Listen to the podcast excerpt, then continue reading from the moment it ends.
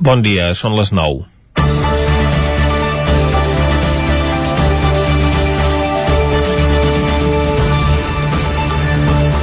En allò que sí que val a una, el govern de la Generalitat és responsabilitzar de tots els mals del govern espanyol. Junts per Catalunya i Esquerra Republicana en això es posen d'acord i coincideixen a no, a, a, a no protagonitzar les baralles a què ens tenen acostumats, com va demostrar ahir els consellers d'Interior Miquel Samper i la consellera de Salut Alba Vergés. Tots dos van assenyalar l'Estat com a responsable que ells mateixos hagin decretat la reobertura de bars i restaurants perquè no hi ha altra manera d'ajudar al sector. Unes hores abans, el secretari de Salut Pública, Josep Maria Argimon, ja havia dit que no haurien permès reobrir negocis si haguessin pogut donar les ajudes directament als sectors afectats. Es posa així de manifest que en l'actual procés de desescalada ha primat més la situació econòmica que la sanitària i la pressió que han exercit determinats col·lectius que s'han sentit desemparats i sense recursos. Mentre hi ha estats a la Unió Europea que han continuat donant ajudes a sectors que s'han vist obligats a tancar, com alguns establiments, la restauració o la cultura, la ruïna econòmica en la que està sumida l'estat espanyol ha fet que aquí això no fos possible. El conseller d'Interior recordava en aquest sentit que a França i Alemanya els bars continuen tancats, però allà els sectors afectats se'ls ofereix el 75% del que van facturar un any enrere. També a Navarra el, el govern foral dona ajudes d'un màxim de 25.000 euros per establiment. Però esclar, té un règim fiscal diferent que la Generalitat, que ha d'intentar fer el mateix pel seu compte, però la seva escassedat de recursos i competències han acabat convertint aquest intent de solidaritat en un fracàs que se li ha girat en contra. Malgrat tot, el govern català ja ha deixat clar que si la situació sanitària continua evolucionant de forma positiva, s'anirà desplegant el pla de desescalada com estava previst i en cap cas aquest s'avançarà pel pont de la Immaculada. Al contrari, s'aturaran les dades si, si les dades empitjora, tal i com està passant en alguns països que ara mateix tenen les xifres de morts i ingressats més altes de tota la pandèmia. Ahir mateix, en una nova compareixença de les autoritats sanitàries a l'Ajuntament de Vic, es posava de manifest que les dades epidemiològiques van millorant, però que aquesta desescalada s'ha iniciat amb uns registres més negatius que no pas l'anterior a la primavera i que el risc de transmissió continua sent molt elevat. Per això el missatge és de molta cautela davant del risc d'un nou rebrot. La interacció social que propicien les festes de Nadal preocupen les autoritats i la descoordinació entre governs que aposten per aplicar mesures preventives diferents en aquests dies tan assenyalats confonen els ciutadans. En qualsevol cas, el missatge és clar d'extremar la prudència per evitar que s'arribi a una tercera onada de conseqüències més devastadores a tots nivells. Comencem Territori 17, a la sintonia del 9 FM, Ona Codinenca, Ràdio Cardedeu, La Veu de Sant Joan i el 9 TV. Territori 17, amb Vicenç Vigues i Jordi Sunyer. Són les 9 i 3 minuts del divendres, dia 27 de novembre de 2020. Comença aquí un nou Territori 17 que avui, durant la primera hora, us acostarà tota l'actualitat de les nostres comarques. A més, al final tenim un regalet especial, l'estrena d'una Nadala. Després, a partir de les 10, a les seccions habituals dels divendres. Avui, per exemple, tindrem la secció de clàssics musicals que han fet història amb el Jaume Espuny. Repassarem també uh, què passa a la gastronomia, perquè avui tenim la Foc Lent també repassarem agenda esportiva del cap de setmana pels principals equips del nostre territori i acabarem fent un repàs a l'agenda festiva d'aquests propers dies, marcada, això sí, pel confinament municipal. Per tant, actes que podem anar a fer al costat de casa, però no gaire més lluny. Tot això ho farem des d'ara mateix i fins a les 12 del migdia. I com sempre, el que fem és començar posant-nos al dia, tot fent un repàs a l'actualitat de les nostres comarques, les comarques del Ripollès, Osona, el Moianès i el Vallès Oriental.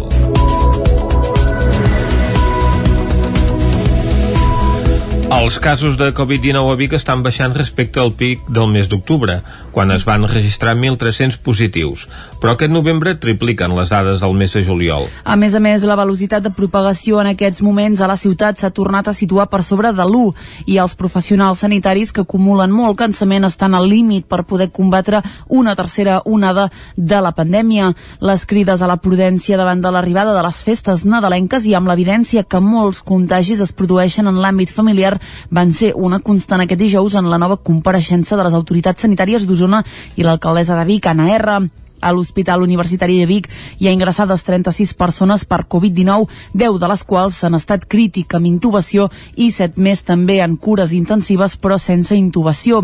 La reducció de la pressió a l'hospital ha permès al Consorci recuperar l'activitat quirúrgica i de consultes externes. A l'Hospital Universitari de la Santa Creu en aquests moments 35 persones hi estan ingressades amb infecció activa i 33 en fase post-Covid. A l'Hospital Sant Jaume de Manlleu aquest dimecres hi havia una persona ingressada per coronavirus. Als centres hospitalaris d'Osona la darrera setmana hi han mort 13 persones per causes relacionades amb el virus. Imma Cervós és la subdirectora de Salut Pública de la Catalunya Central i Rosa Maria Morral, directora assistencial del Consorci Hospitalari de Vic. A dia d'avui tenim una situació bastant més complicada que el mes de juliol, el triple de casos, podríem dir, amb una incidència de brots familiars també que és el triple respecte al juliol i amb una situació de transmissió respecte al mapa, aquella foto difosa el virus o que es difon per tota la ciutat amb, amb una franja d'edat dels 15 anys fins als 50 i escaig. El desig de tots és que la població sigui sobretot molt conscient del moment en el que estem, perquè si fem les coses bé anirem baixant, però estem en un punt que tots estem molt cansats, molt cansats, molt cansats, i si ens relaxem i tornem fent passes enrere, això serà duríssim. Eh? Una tercera onada serà molt, molt difícil d'aguantar. En aquesta segona onada, els hospitals d'Osona estan treballant per compaginar al màxim l'atenció als pacients de Covid-19 amb l'assistència i el seguiment de les persones que pateixen altres malalties amb l'objectiu d'afectar al mínim possible l'atenció de la resta de problemes de salut. Si l'augment continuat de pacients amb Covid-19 va obligar a anar desprogramant de forma progressiva activitat no urgent, la millora de les dades permet ara anar-la recuperant en la mateixa mesura i fer-ho, a més, mantenint els exhaustius protocols i mesures de prevenció que garanteixen que els hospitals siguin entorns al màxim de segurs tant pels pacients com pels professionals. L'Ajuntament de Vic visitarà a més de 500 persones majors de 80 anys que no utilitzen els serveis bàsics socials de la ciutat. La visita a domicili té l'objectiu de prevenir situacions de risc i detectar necessitats, així com informar de l'oferta de serveis. L'Ajuntament de Vic implanta el programa Els Serveis Socials Més a Prop, un recurs de la Diputació de Barcelona. Es tracta de visitar persones més grans de 80 anys no usuàries dels serveis socials bàsics de la ciutat per tal de detectar les seves necessitats i prevenir situacions de risc. Núria Oms és la regidora de Benestar i Família de l'Ajuntament de Vic. A la ciutat tenim unes 2.000 persones de més de 80 anys, de les quals unes 1.500 nosaltres les atenem, però n'hi ha 500 que eh, no tenim detectades, val? que són persones que no han vingut doncs, perquè no han tingut la necessitat. D'acord? Llavors, una mica amb, amb la idea de, de treballar d'una manera més preventiva, no? si ells no venen, nosaltres anem-los a buscar, doncs el plantejament d'aquest projecte és eh, fer aquestes 500 eh, i escaig visites domiciliàries a les cases d'aquestes persones més grans de 80 anys per detectar possibles necessitats amagades. Des de l'Ajuntament asseguren que l'atenció de la gent gran és una prioritat i subratllen la importància de prevenir també la vulnerabilitat i l'aïllament social, sobretot en el context actual de pandèmia. Aquest projecte sempre té sentit, però ara encara n'agafa més, no? perquè les persones grans és el col·lectiu, un dels col·lectius més vulnerables no? i que han estat més afectats per la pandèmia. Nosaltres, durant l'època del Covid, de la primera onada, ja vam també, o sigui, una mica aquesta inquietud no? de saber com estan les nostres persones grans, eh, vam fer tot una, un, un seguit de trucades, en van fer pràcticament 4.000, vale? eh, a persones més grans de 65 anys, vale? per veure com estaven i què necessitaven. Doncs això seria el mateix, però amb aquest col·lectiu doncs, més gran. Durant les visites s'explicarà els serveis als quals pot optar la gent gran de la ciutat de Vic. Són la teleassistència, el servei d'atenció a domicili, el centre de dia i serveis preventius com els tallers de memòria o el programa d'activitat física Vic Activat. Les obres del nou centre de salut de Sant Feliu de Codines es preveu que finalitzin aquest estiu. Serà un edifici de 600 metres quadrats que permetrà ampliar les sales tant de medicina general com de pediatria. Caral Campàs, des d'Ona Codinenca. La creació del nou centre de salut de Sant Feliu de Codines, que va començar al maig de 2020, es preveu que finalitzi aquest juliol. Segons l'empresa constructora, les obres avancen a bon ritme i la previsió és que es compleixin els 14 mesos previstos inicialment per tal de poder-lo posar en funcionament a l'estiu. La infraestructura respon a un reclam de la població que sol·liciten a la Generalitat des de fa més de 10 anys. Pel que fa als usos de l'espai, la reserva contempla l'ampliació de sales tant tant de pediatria com de medicina general, però encara no s'ha concretat si s'ampliarà la cartera de serveis i les hores de cada especialitat. Segons la regidora de Salut, Laia Jordana, els 600 metres quadrats que tindrà l'edifici previsiblement permetran donar més serveis, però com que fa tants anys que es va plantejar inicialment, ho hauran de replantejar. El que no s'ha acabat de lligar és eh, de quina manera, una vegada tinguem l'espai, es donarà. Llavors, bueno, entenc que abans d'obrir, evidentment, s'haurà de posar sobre la taula eh, quines hores han de tenir cada servei, perquè hi haurà, una, per exemple, hi ha una sala que està destinada només a la, a la llevadora, i la llevadora tots sabem que actualment està venint una vegada a la setmana. Llavors, bueno, pues, tenir un espai que, del que no el puguem fer servir, doncs, bueno, serà, serà parlar-ne, perquè la població de Sant Feliu de Cunhas també, ara mateix ja estem a la vora dels 6.500, i quan vam dimensionar els espais de l'antic CAP érem 3.000. Llavors, la situació ha canviat molt aquests 10 anys. Actualment el centre de salut està situat en un espai petit de propietat privada i s'utilitza a través d'una sessió d'ús de les monges de Sant Feliu.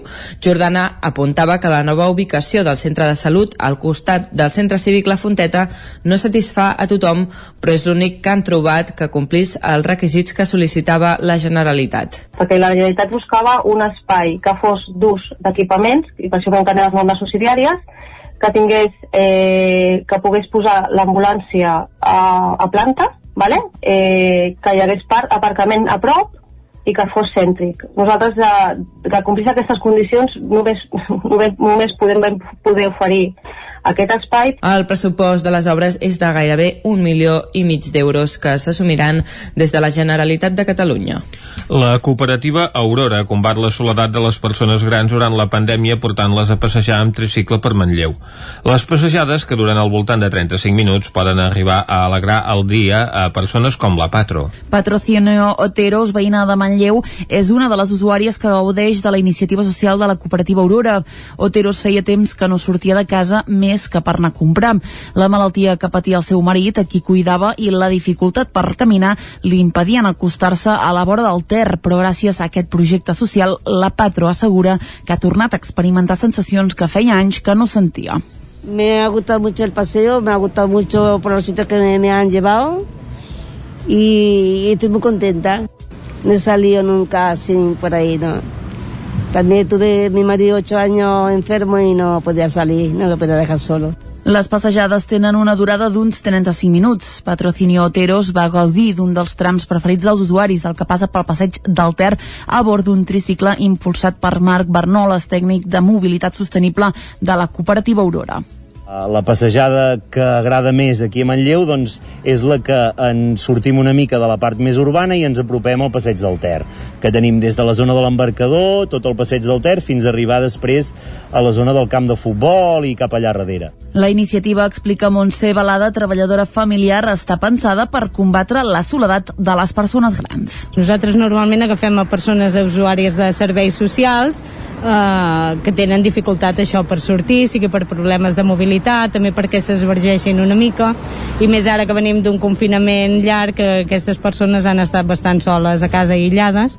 El projecte fa més d'un any que està en funcionament, però ha estat arran de la pandèmia quan més s'ha manifestat la necessitat de ballar per la salut mental d'aquest col·lectiu. Des del juny, Cardedeu ha acollit sis rodatges destacats en diferents punts del municipi, que a més de posicionar el municipi com a plató, han suposat un ingrés de prop de 9.000 euros. David Auladell, Ràdio Televisió, Cardedeu. El centre de Cardedeu acull aquesta setmana el rodatge de dues produccions. Una és la sèrie Fèria, produïda per Filmax per la plataforma Netflix, que s'està filmant a la cafeteria El Malindro. L'altra producció és també una sèrie, Maricón Perdido, produïda pel Terrat i basada en la vida de Bob Pop, que s'està rodant en un habitatge particular del passatge Paugesa. Des del mes de juny, Cardedeu ha estat escenari de quatre rodatges més. Al juny es van gravar escenes del documental ficcionat Seis dies corrientes, de Neus Ballús, que ja s'havien rodat a Cardedeu feia just un any. Al juliol, una casa particular va acollir la gravació d'un spot publicitari d'una marca de cafeteres. I al novembre també es van rodar dues produccions destacades. Una és Les leyes de la frontera, una pel·lícula de Daniel Monzón basada en la novel·la de Javier Cercas del mateix nom, i l'altra sèrie No mentiràs de Filmax per Movistar Plus, en un habitatge particular de les Pinedes. A més, també s'han gravat petites produccions d'estudiants d'escoles de cinema i d'audiovisuals i produccions locals amateurs. Tots aquests rodatges han suposat un ingrés de 8.927 euros per l'Ajuntament. Cardedeu forma part de la Catalunya Film Commission des del 2009, un servei públic i gratuït de la Generalitat de Catalunya que està a disposició del sector audiovisual amb la voluntat de promoure i facilitar els rodatges a tot Catalunya i d'estimular i consolidar la indústria cinematogràfica i audiovisual catalana i els serveis que se'n deriven a tot el territori. El cicle de tardor 2020 de Sant Joan de les Abadeses es reactiva amb el concert Viatge per les cançons al cinema negre, amb Marina Prades al capdavant.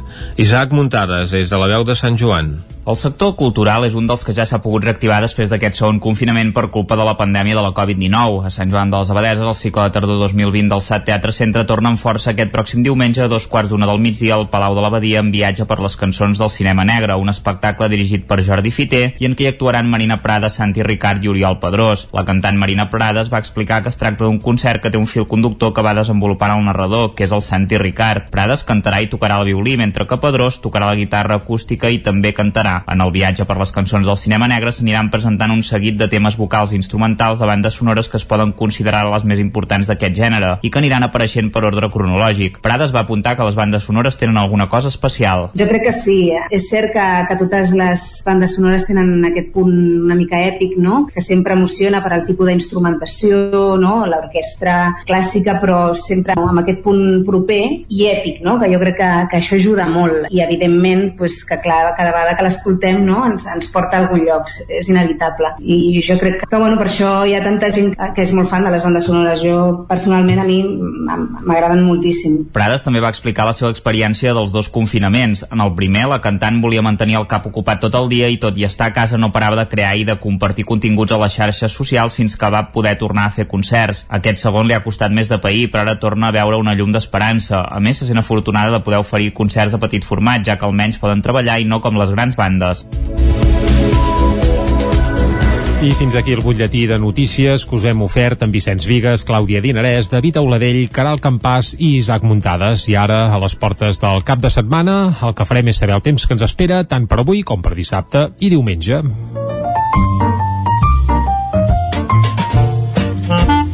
Casa Terradellos us ofereix el temps. I ens parlarà del temps el Pep Acosta. Bon dia, Pep. Hola, molt bon dia. Bon dia, bon dia. Serà un cap de setmana com? De dues cares. Aviam, primera. I començo amb l'explicació. Sí. La pertorbació, aquella de l'oest de la península ibèrica, s'ha despenjat uh -huh. i ha baixat fins al sud d'Espanya de, i està provocant vents de llevant. Ahir i aquesta nit hi hem tingut una puja destacable. Cap a Montseny ja portem 40-50 litres, a Cales de Montbui també entre 20 i 25, es va animant aquesta nit, sobretot ha plogut cap al Vallès, és un, és on ha plogut més, i ahir va ploure més cap al Montseny i les Guilleries. El dia d'avui plourà, serà un dia d'obrir paraigües. Uh -huh. Potser no allò tot el dia, molta pluja, però, però precaució, perquè sí que hi pot haver tempestes, alguna localment forta. Sobretot plourà uh, més cap a l'est. Uh, com més a prop del mar, més plourà. I per tant aquests temporals de llevant fa que rebi molta aigua al Montseny i les Guilleries. Avui es poden acumular entre 50 i 100 litres. Déu també a la part més oriental del Pirineu. Pot ploure bastant. Cota de neu molt amunt 1.900-2.000 metres per les temperatures mínimes d'avui s'han mogut entre els 7 i els 10 graus a la majoria de poblacions molt uniformes i les màximes es mouran entre els 13 i 15 com veieu, molt poca amplitud tèrmica entre el dia i la nit, la precipitació en forma de neu, com deia, 2.000 metres, i pot provocar 20 o 30 centímetres de neu nova a, a dalt de, de tot del Pirineu, a dalt de Ui de Ter, Bastiments, a zones pròximes. És l'únic lloc on nevarà. Demà un dia gairebé calcat al d'avui, amb unes temperatures calcades, més vent, eh, sobretot a les zones de muntanya augmentarà el vent de 50-60 km per hora, eh, tindrem cops bastant, bastant forts, i demà també pluja. Es poden tornar a acumular 40, 50, 60 litres, sobretot, com deia, Carai. Montseny, Guilleries. Entre avui i demà es poden acumular més de 100 litres en alguna zona, eh? Eh, Per tant, això, precaució perquè pot ploure bastant. De cara al vespre nit, les precipitacions començaran a desaparèixer. I les temperatures, molt semblants als d'avui, poder un grau, un grau més baixes, mm, a tot estirar. Mm, Poca cosa. I el vent. Ben destacable, com deia, demà. Diumenge, el temps canviarà com mitjó, per això deia les dues cares, sortirà el sol, molta tranquil·litat, i serà un dia extraordinari per poder veure com baixen els rius, eh, quins efectes ha provocat aquestes pluges tan fortes, eh, a la vostra localitat, clar, perquè no podeu sortir del poble, però segur que hi ha algun saltant d'aigua, serà un dia molt, molt maco per anar a veure això, saltants d'aigua, rieres, mm, us agradarà i també, lògicament, per veure la nevada del Pirineu, que haurà canviat el paisatge eh, completament al 100%, i des de molts punts de les nostres poblacions es veurà un Pirineu nevat preciós. I, i diumenge les temperatures mínimes baixaran, la de matinada dissabte i diumenge serà més baixa, i les màximes de diumenge pujaran. Arribarem als 17-18 graus i sortirà el sol, farà un bon sol a la majoria de les poblacions. Per tant, hi anant molt de pressa. Avui i demà, temporal de llevant, acumulacions de més de 100 litres en algunes zones, i la majoria de, de precipitacions entre els 20 i els 50 litres, però atenció, eh, localment poden ser molt importants aquestes pluges, màximes i mínimes molt semblants, poca amplitud tèrmica, no farà molt de fred, diumenge, sol, un temps preciós i unes temperatures màximes que pujaran i mínimes que baixaran. Dilluns farem el balanç d'aquest episodi de llevant, aquesta llevantada de primera categoria que tindrem avui i demà. Moltes gràcies i que disfruteu d'aquest últim cap de setmana d'aquest penúltim mes de l'any 2020. Adeu. Vinga, Pep, moltes gràcies, salut, i ara sí que avui en paraigua ens atansem cap al quiosc. Casa Tarradellas us ha ofert aquest espai. Territori 17. うん。Avui al quiosc el que farem en primer lloc és llegir les portades del 9-9, Clàudia. Doncs sí, comencem com sempre amb l'edició d'Osona i el Ripollès, que diu l'Hospital de Vic comença a recuperar l'activitat ajornada pel segon pic de contagis. A la imatge hi veiem a Manel Molera, usonenc de l'any, també hi trobem el testimoni del drama del Mediterrani i podem eh, descobrir què és el paleotraining. A l'edició del Vallès Oriental diu les denúncies per violència masclista s'han doblat en 3 anys al Vallès oriental. A la imatge diu Via Plana, en gran l'artista de Granollers enllesteix el projecte pintant a la quarta planta amb una obra mural al museu que fa 3 metres d'alçada per 8 d'amplada. Un últim titular, Granollers aprova un pressupost de prop de 92 milions per l'any 2021. Anem a veure què treuen en portada els diaris catalans. Comencem, com sempre, pel punt avui que diu per falta d'ajuts. El govern admet que si tingués diners no hauria reobert l'activitat. Vergés i Samper justifiquen la reobertura per la falta d'ajudes de l'Estat. A la imatge multitudinari i sentit adeu a Maradona, les aglomeracions a la Casa Rosada causen incidents que fan retirar la capella ardent. El Suprem allarga la decisió sobre el tercer grau dels presos i la CUP referma l'aposta pel conflicte i la desobediència. A l'ara, Ayuso porta la guerra fiscal a Catalunya. L'acord d'Esquerra amb Sánchez per acabar amb el, amb el dumping fiscal enerva la presidenta de Madrid, que tornarem a veure per Barcelona. A la imatge cues i aldarulls en la Déu de Maradona, Ciutadans assumeix que el PSOE ha triat Esquerra i votarà no als comptes i Trump alerta admet que plegarà quan el triomf de Biden es certifiqui. El periòdico Maradona preparava el seu retir a Barcelona. Veiem una marea humana que acomiada l'astre a l'Argentina. Diversos companys del Barça es disposaven a proporcionar-li atenció mèdica i emocional. El govern culpa l'executiu central de la reobertura dels bars i Ciutadans rebutja els comptes de Sánchez per pactes amb Esquerra i amb Bildu. Anem a Vanguardia que diu Ciutadans es despenja del pacte pel pressupost. Sánchez es queda amb la majoria de la investidura pel rebuig d'arrimades d'Esquerra i Bildu. I veiem els llums de Nadal a Barcelona, diu el Nadal arrenca a mitja llum i tornem a veure aquesta vella maradoniana. M'ha agradat aquest joc de paraules que fa avui la Vanguardia. El comerç, per acabar, confia en el Black Friday per pal·liar pèrdues avui, eh? És avui, eh? Vicenç? Exacte. Maradona també apareix a les portades de Madrid. Doncs sí, comencem amb el país que diu el Suprem tanca la porta a la semillibertat dels presos de l'1 d'octubre. A la imatge multitudinària Déu a Maradona a l'Argentina i Ciutadans votarà no als pressupostos pels pactes amb Esquerra i Bildu. Anem al Mundo que diu el PP res respondrà a l'assetjament a Ayuso baixant impostos. A la imatge que veiem és l'expresident Felipe González que diu Rubalcaba sí que tenia un projecte polític. Ho va dir al ser preguntat per l'acord pressupostari. Sánchez va deixar caure el diàleg amb Arrimadas contra el criteri, diu, de part del seu govern. A la Razón, el PP dissenya la sal a Ciutadans davant de la seva deriva política. A la imatge, bogeria, el comiat de Maradona, les batzegades d'Illa, diu sense Nadal, i amb les vacunes a mitges, i els barons del Partit Popular defensen la baixada d'impostos d'Ayuso. I finalment acabem amb l'ABC que diu rebel·lió del PP contra el pacte de Sánchez i Esquerra per sabotejar Madrid.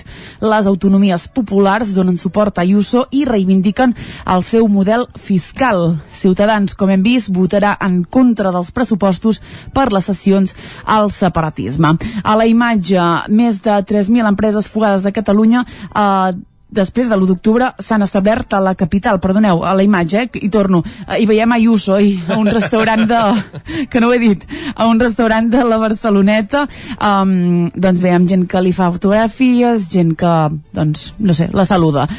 Uh, tornem amb aquest titular, eh? Diu, la deut el deute català és l'única Espanya que les agències de rating segueixen qualificant de bono basura, ho dic tal qual. Pressupostos i Maradona són els temes dominants a les portades dels eh, diaris d'avui, amb aquesta multitud de gent que volia assistir a la seva vetlla. Hem fet un repàs a les portades d'aquest divendres i acabem així aquest bloc informatiu. I ara el que toca és fer una molt breu pausa i de seguida tornem a dos quarts en punt acostant-vos de nou tota l'actualitat de les nostres comarques. Fins ara. El nou FM, la ràdio de casa, al 92.8. Les bones decisions tenen premi. I és que si té una caldera Vaillant, està d'enhorabona. Vaillant li ofereix fins a 15 anys de cobertura total, amb la revisió obligatòria inclosa. Informis a Oficiat Nord trucant al 93 886 0040. Amb el servei tècnic oficial de Vaillant, la seva caldera estarà en les millors mans. Hi ha una màgia que no té truc. És la màgia de compartir una estona amb algú i parlar-hi. Vols practicar català? Vols ajudar algú a parlar-lo? Apunta't al voluntariat per la llengua. El programa de les parelles lingüístiques a vxl.cat. Perquè quan parles, fas màgia. Generalitat de Catalunya. 100 milions i mig de futurs. Cocodril Club. Si t'agrada la bona música dels anys 60, 70 i 80, escolta el 9 FM als matins de dissabtes i diumenges d'11 a 1. És el temps del Cocodril Club, tot un clàssic de la ràdio, amb les bases del pop-rock, les llegendes, les cançons que s'han convertit en autèntics himnes. Recorda, dissabtes i diumenges al matí, d'11 a 1, al 9 FM 92.8. Cocodril Club, el programa revival de l'Albert Malla. Hasta luego, cocodrilo. Cobertes serveis funeraris. Els nostres tanatoris estan ubicats en els nuclis urbans més poblats de la comarca d'Osona per oferir un millor servei. Tanatori de Vic, Tanatori de Manlleu, Tanatori de Centelles i Tanatori de Roda de Ter. Sabem que són moments difícils i per això el nostre compromís és atendre-us en tot moment amb un tracte humà, sensible i respectuós. Cobertes serveis funeraris. Telèfon 24 hores 93 883 23 46. Anuncia't al 9FM. La màquina de casa. 9 3 8 8 9 4 9 4 9. Publicitat arroba al 9FM.cat. Anuncia't al 9FM. La publicitat més eficaç. Tens joies o rellotges que vols rendibilitzar? Demana una valoració gratuïta a Comprem Or, especialistes en la compra de joies, diamants i rellotges. T'ofereixen transparència, discreció i la màxima taxació. Troba la teva botiga a compremor.com o truca al 938 101 342. Recorda, són els originals, els de la moneda. Comprem or. Rambla de Vallada 7, Vic. Cada territori té un atractiu o més d'un.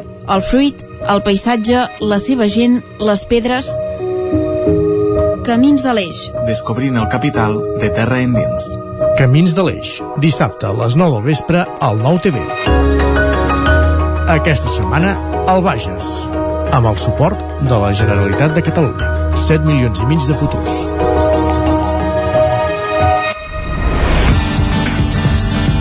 El nou FM. Territori 17, amb Vicenç Vigues i Jordi Sunyer.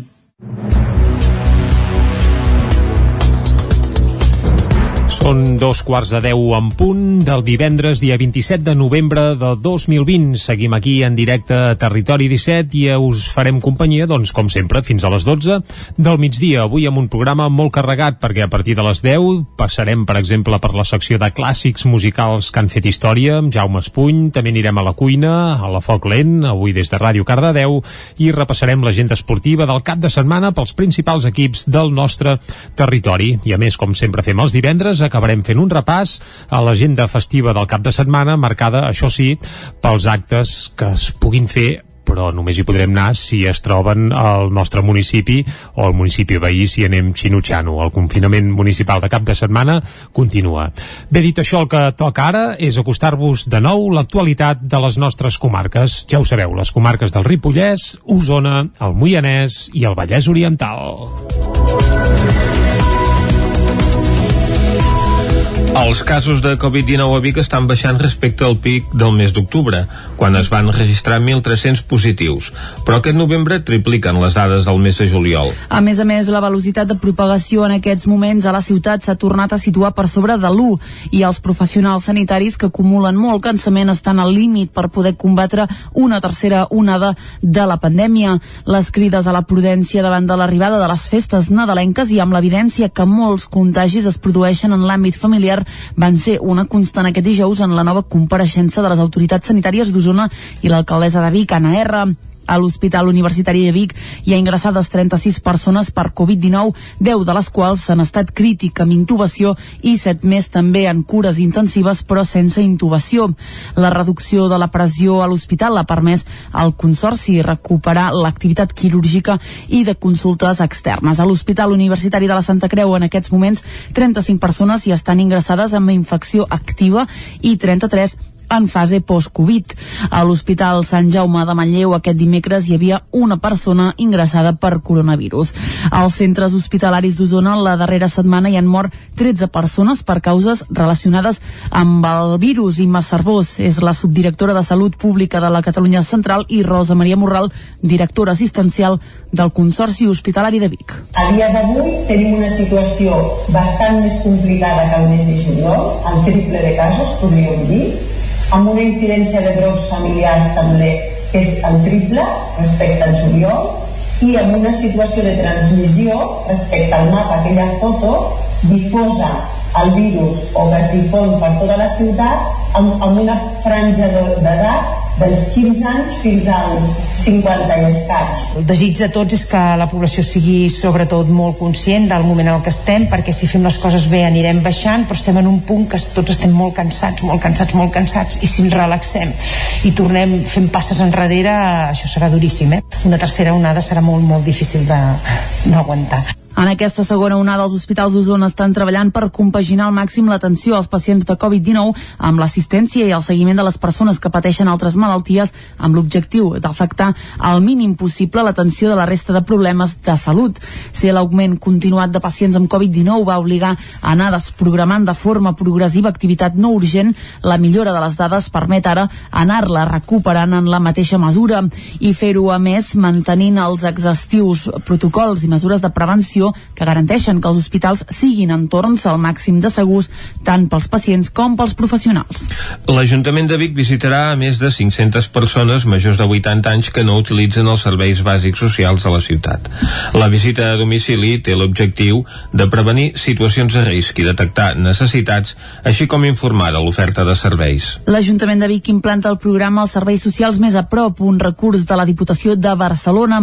Es tracta de visitar persones més grans de 80 anys no usuàries dels serveis socials bàsics de la ciutat per tal de detectar les seves necessitats i prevenir situacions de risc. Núria Oms és la regidora de Benestar i Família de l'Ajuntament de Vic. A la ciutat tenim unes 2.000 persones de més de 80 anys, de les quals unes 1.500 nosaltres les atenem, però n'hi ha 500 que eh, no tenim detectades, val? que són persones que no han vingut doncs, perquè no han tingut la necessitat. D'acord?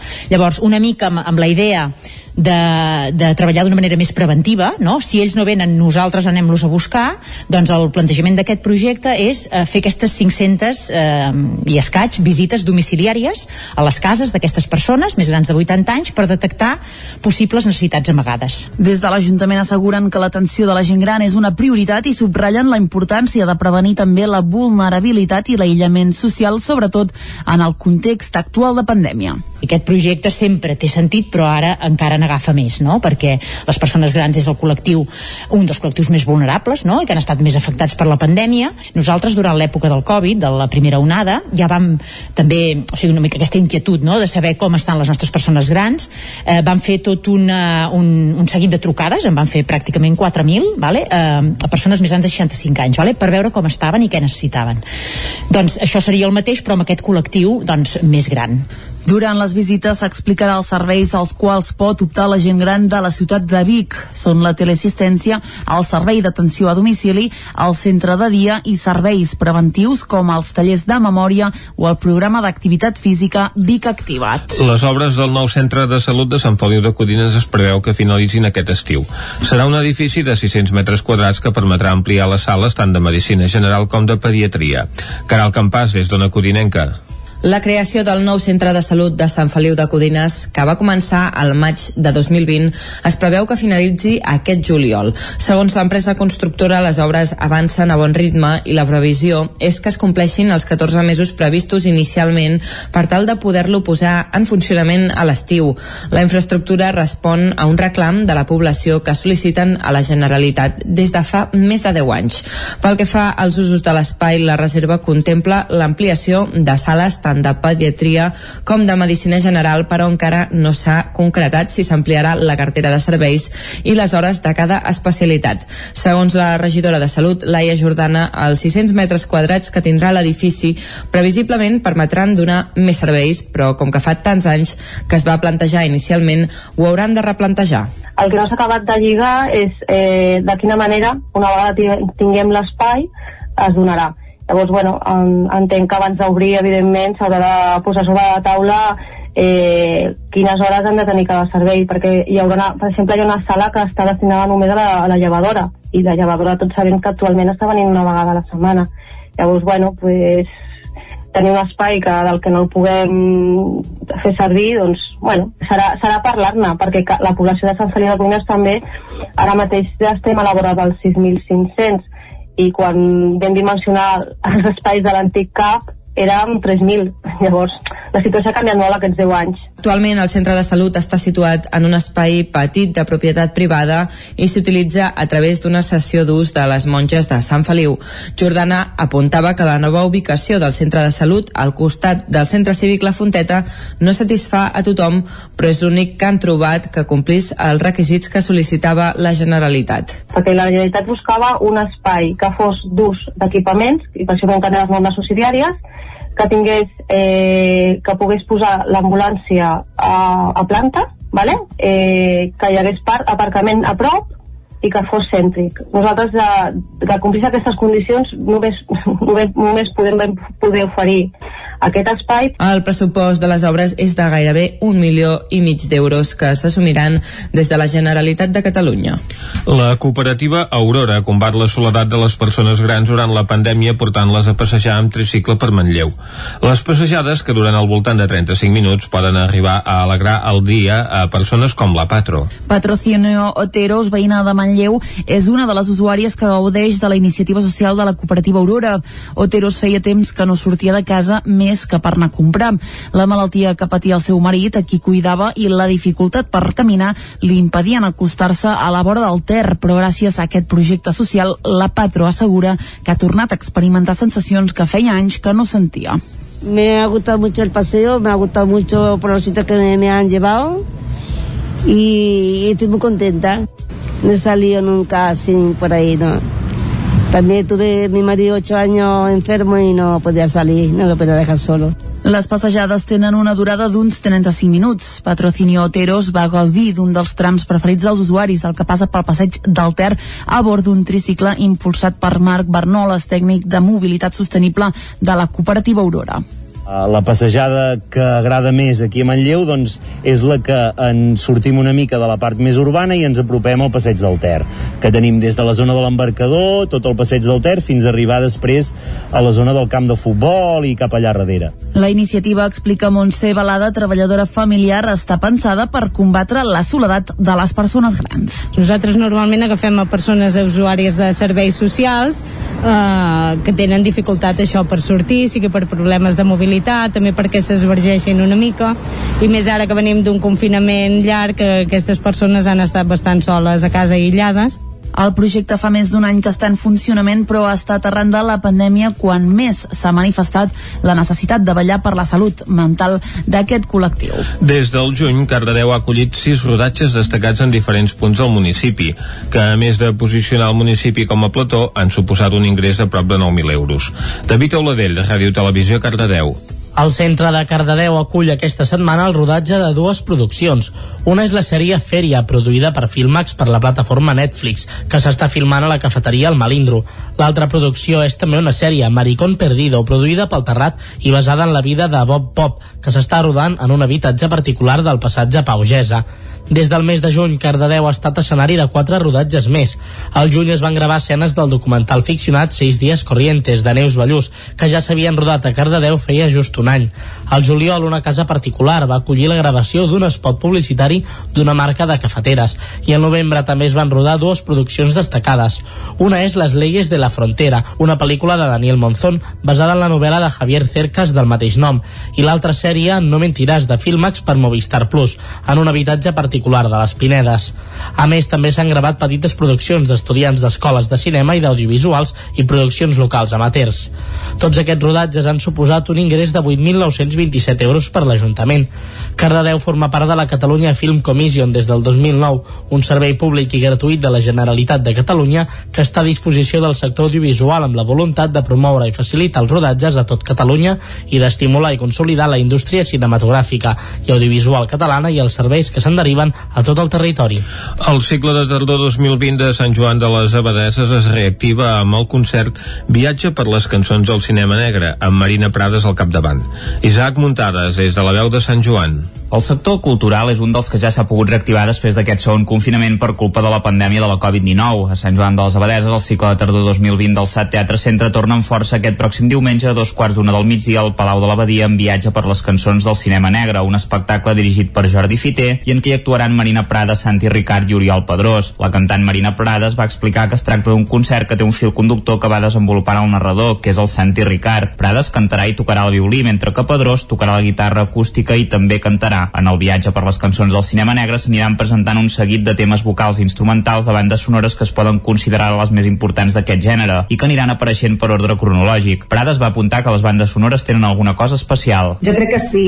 És cert que, que totes les bandes sonores tenen aquest punt una mica èpic, no? que sempre emociona per al tipus d'instrumentació, no? l'orquestra clàssica, però sempre no? amb aquest punt proper i èpic, no? que jo crec que, que això ajuda molt. I evidentment, pues, que clar, cada vegada que les escoltem no? ens, ens porta a algun lloc, és inevitable. I jo crec que, bueno, per això hi ha tanta gent que és molt fan de les bandes sonores. Jo, personalment, a mi m'agraden moltíssim. Prades també va explicar la seva experiència dels dos confinaments. En el primer, la cantant volia mantenir el cap ocupat tot el dia i tot i estar a casa no parava de crear i de compartir continguts a les xarxes socials fins que va poder tornar a fer concerts. Aquest segon li ha costat més de pair, però ara torna a veure una llum d'esperança. A més, se sent afortunada de poder oferir concerts de petit format, ja que almenys poden treballar i no com les grans bandes.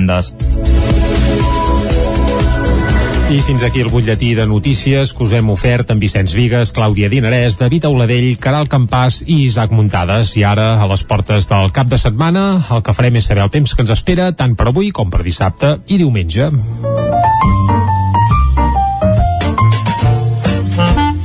Casa Terradellos us ofereix el temps.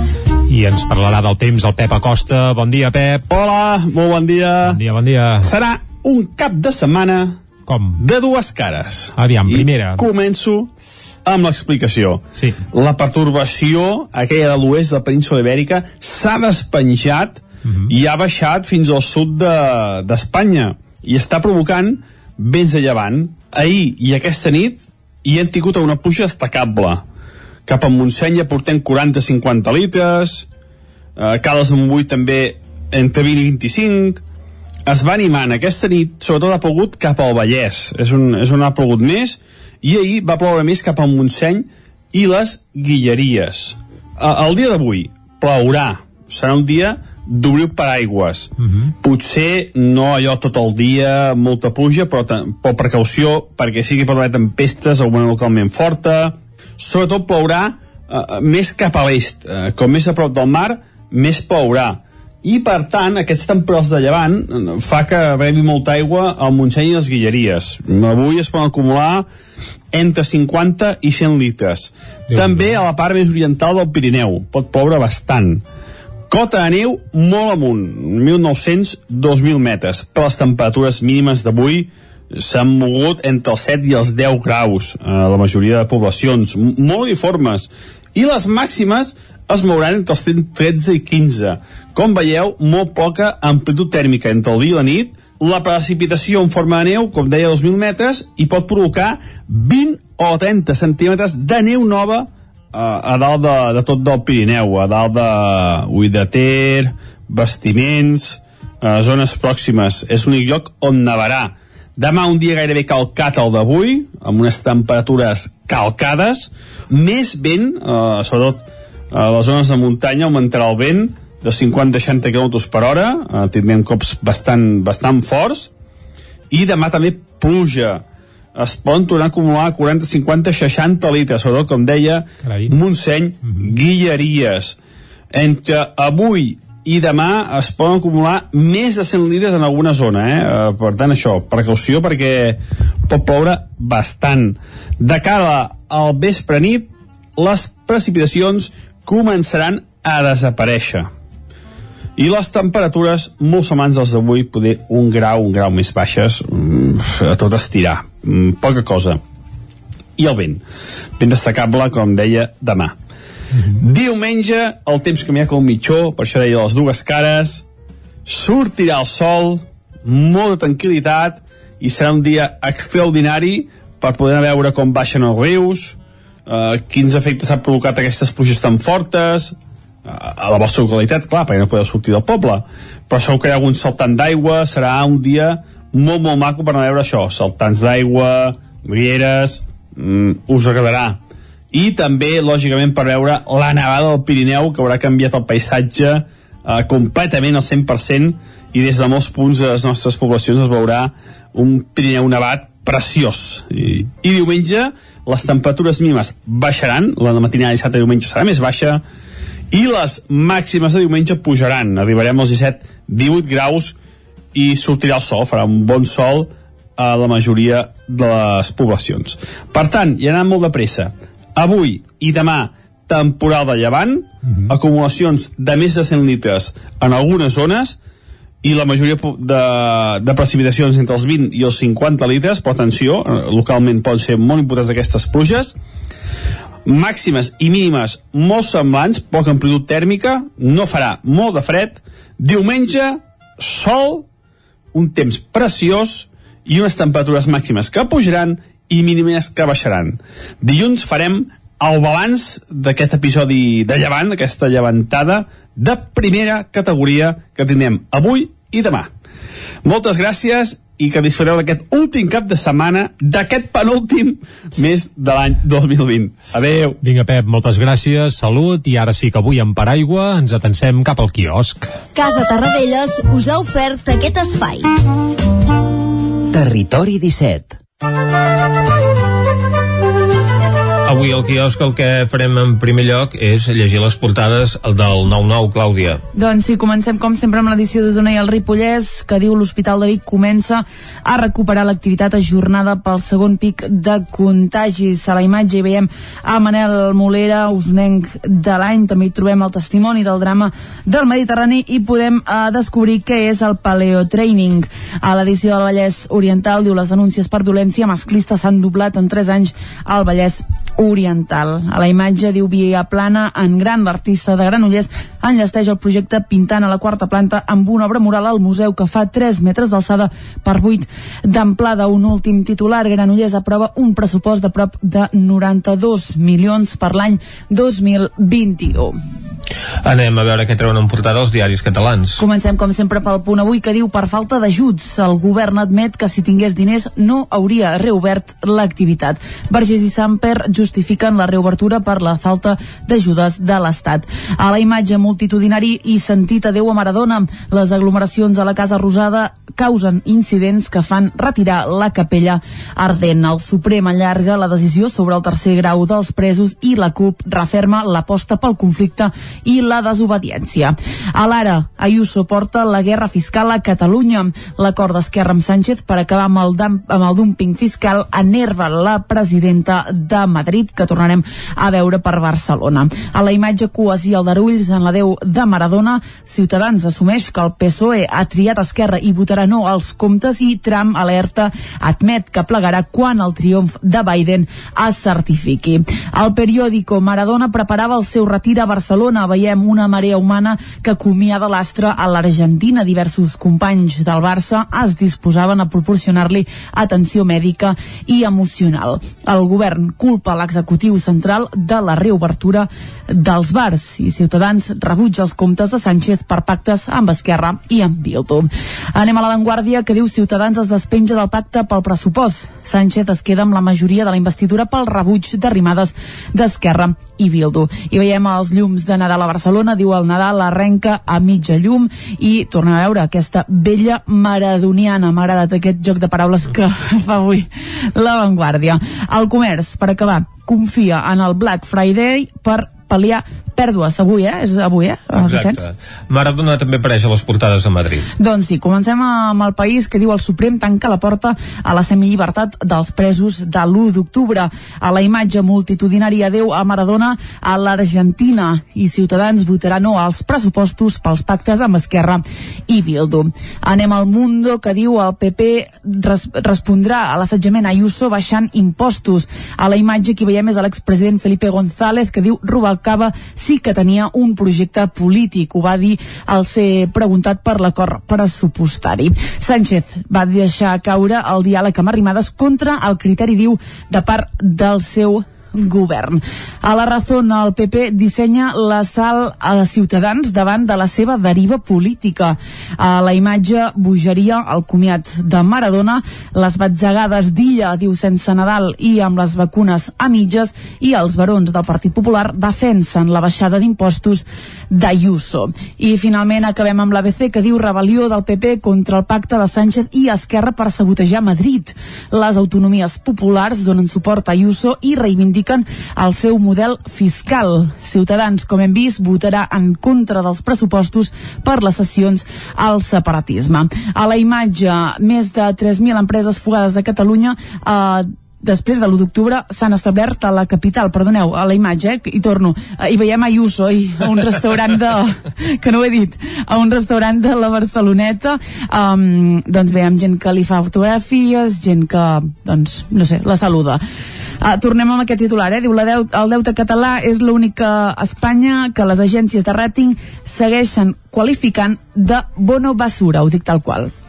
Pressupostos i Maradona són els temes dominants a les portades dels eh, diaris d'avui, amb aquesta multitud de gent que volia assistir a la seva vetlla. Hem fet un repàs a les portades d'aquest divendres i acabem així aquest bloc informatiu. Doncs vinga, tanquem el bloc informatiu uh -huh. i Vicenç, anem pel bloc musical. Anem-hi. Uh, avui no parlarem de Maradona. Vam, ja vam fer... ja, ja hem repassat tota la seva discografia. Sí, sí, sí, ahir ja vam fer un especial uh, musical dedicat a, a l'astre argentí. Tampoc parlarem de la Montserrat Carulla, també ho vam fer en el seu moment i afortunadament avui no hem de dedicar el bloc musical a cap absència i el que farem és fer això, una estrena pràcticament podríem dir que mundial.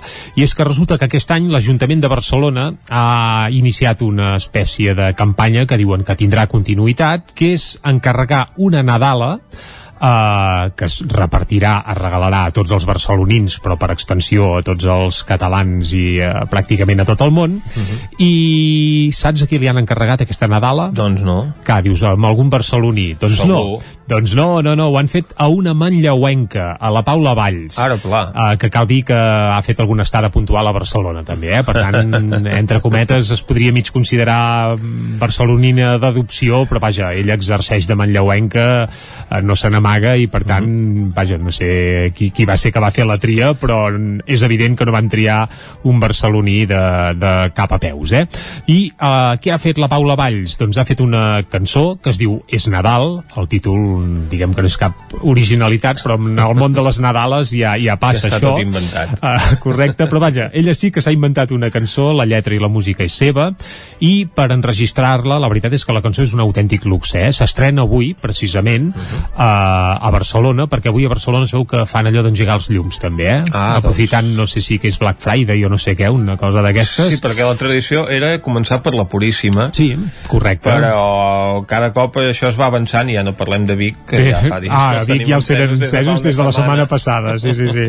Uh, però vaja, a Barcelona ho engeguen avui, uh, no sé si també ja fan el pessebre o no, em sembla que al final No, aquest any no hi ha pessebre, no hi ha a la pessebre plaça ara, Sant Jaume per poder que s'encomanin el virus al bou i la mula. Perfecte, doncs no hi ha pessebre, però sí que a Barcelona hi ha Nadala, tornem a la Nadala, és de la Paula Valls, no l'ha gravat sola i hi ha uh, col·laboradors d'autèntic luxe, hi ha el Quartet Brossa, per exemple, hi ha el Xavi Lloses al piano, hi ha la coral Smiling, hi ha el David Soler a la guitarra, que ja és un clàssic de la Paula Valls, últimament l'acompanya sempre perquè forma part de la seva banda, i també hi ha el Miquel Sospedra al baix, per tant, una formació d'autèntic luxe, i junts, això, avui estrenen És Nadal, i nosaltres, com que no volem ser menys, doncs aquí, a Territori 17, també estrenem aquesta Nadala, que tot i ser la Nadala de Barcelona, com que qui l'ha fet és una manlleuenca, doncs escombrem cap a casa i l'estrenem ara mateix, sí? Oh. Doncs escoltem aquesta peça de la Paula Valls. Bon Nadal a tothom i a Territori 17 seguim a les 10, tornem amb més notícies. canviat tots els colors i han desaparegut les flors que tenies al balcó. Ja no et baralles amb el sol. Ara li demanes que se't fiqui al menjador. Els dies van passant i el calendari es va acabant. Canviem silencis per desitjos. Que tinguis un bon any, diu la veïna del davant. I els teus ulls li somriuen. Perquè és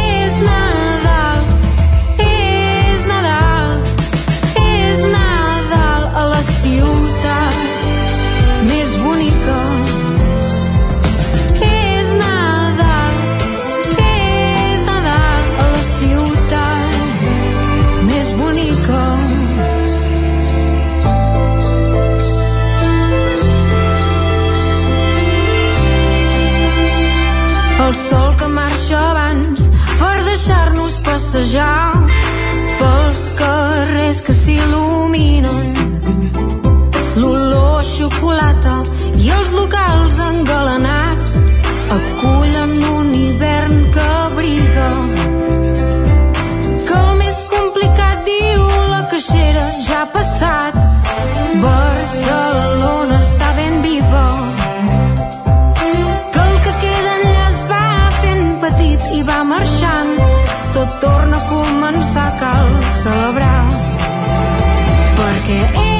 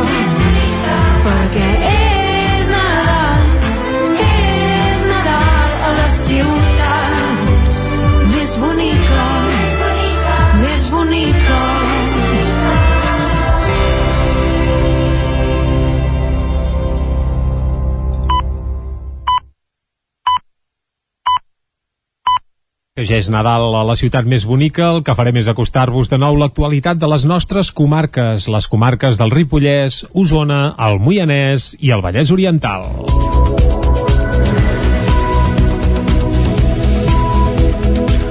El ple del Consell Comarcal d'Osona, que es va celebrar aquest dimecres encara en format telemàtic, va aprovar per unanimitat atorgar una subvenció que permetrà a les associacions de famílies alumnes incrementar el nombre de monitors que gestionen els serveis de menjador escolar. El ple també hi va prosperar la moció pel desdoblament i la millora de la línia de tren de Rodalies R3. La lectura d'un manifest en el marc del Dia Internacional per l'Eliminació de la Violència envers les dones va donar peu al ple extraordinari del Consell Comarcal d'Osona encara telemàtic que es va celebrar celebrar aquest dimecres. El plenari va aprovar per unanimitat atorgar una subvenció que permetrà a les associacions de famílies d'alumnes incrementar el nombre de monitors que gestionen els serveis de menjador escolar i també el nombre de vetlladors per a alumnes amb necessitats educatives especials, una necessitat que s'ha fet evident arran de la pandèmia. Sònia Muñoz és la consellera delegada d'Ensenyament i Informació al Consell Comarcal d'Osona per les mesures Covid que, i per el pla de funcionament eh, nou de les escoles. Uh, això és una, és una aportació econòmica que, fa, que ha fixat el departament amb aquests centres educatius de, de la comarca. Al ple també hi va prosperar la moció pel desdoblament i la millora de la línia de tren de Rodalies R3, un clam que ja s'ha fet sentir darrerament als plens municipals de la comarca i que aquest dimecres ratificava el Consell Comarcal.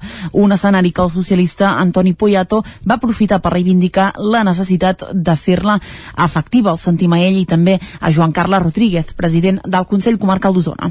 Posem tot el nostre esforç per impulsar i fer efectives actuacions tan imprescindibles com el desdoblament de la via o inversió en, en infraestructures com la supressió dels passos a nivell o la creació d'aparcaments a les estacions.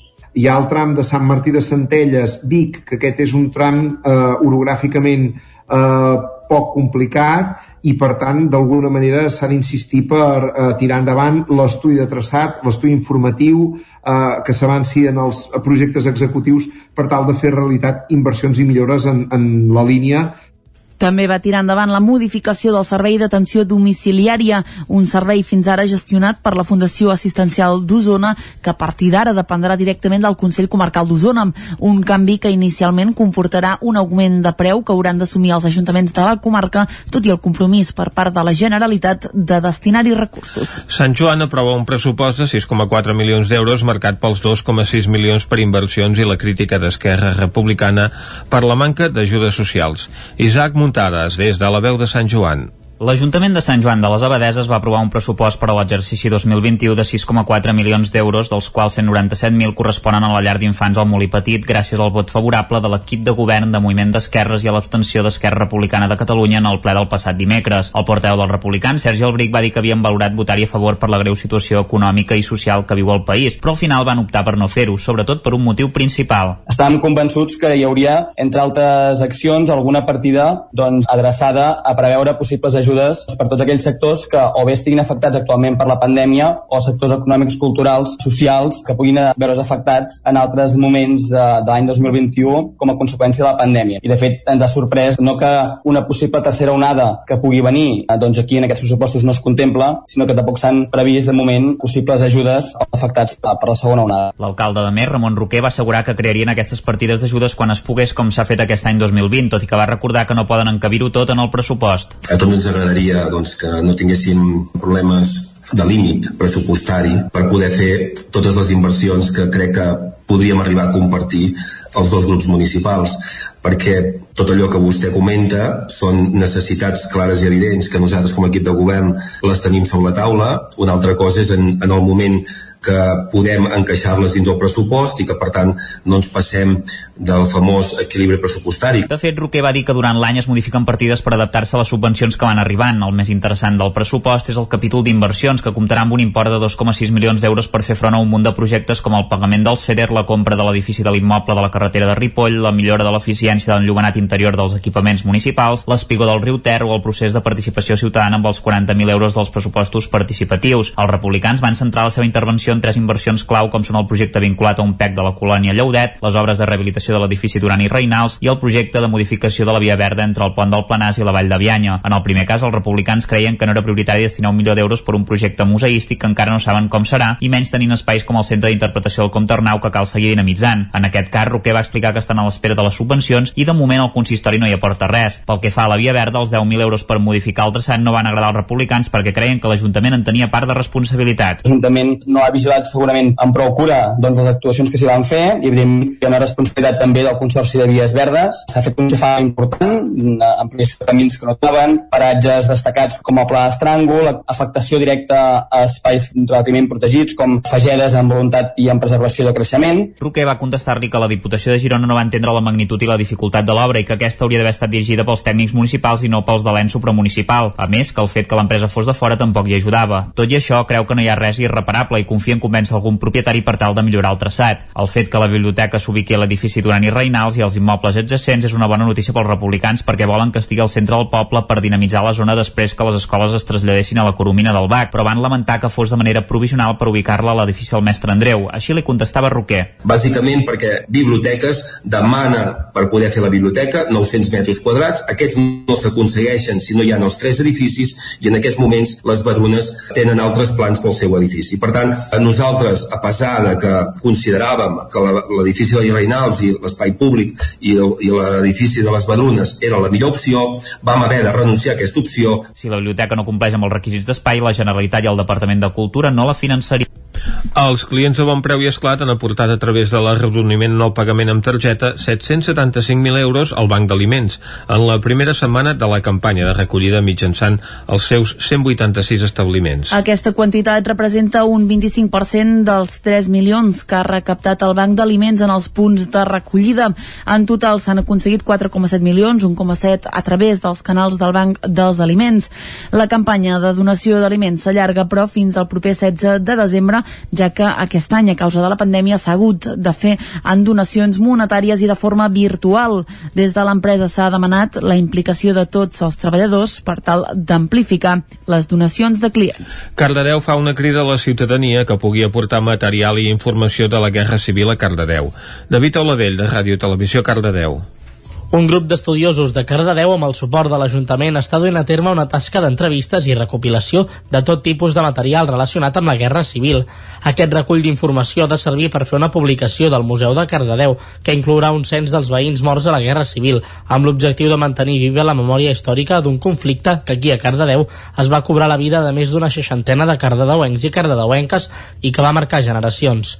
Per aquest motiu es vol fer una crida a la ciutadania que pugui conservar material relacionat amb el conflicte, com poden ser cartes des del front, dietaris personals, memòries, fotografies o aportar el seu testimoni que ajudi també a incloure un cens dels veïns de Cardedeu morts a la Guerra Civil.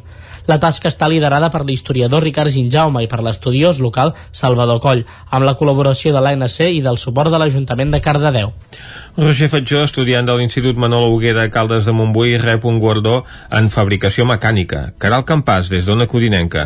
Els Premis David atorgats per l'Associació Patronal del Centre Metal·lúrgic i David Fundació han guardonat els 5 millors alumnes dels cursos de formació professional d'aquest curs marcat per la Covid-19. Entre ells hi ha l'alumne Roger Fatjó, de formació mecànica de l'Institut Manol Huguer de Caldes, que ha estat guardonat amb el segon premi traduït en una dotació econòmica de 1.000 euros dins la categoria de grau superior.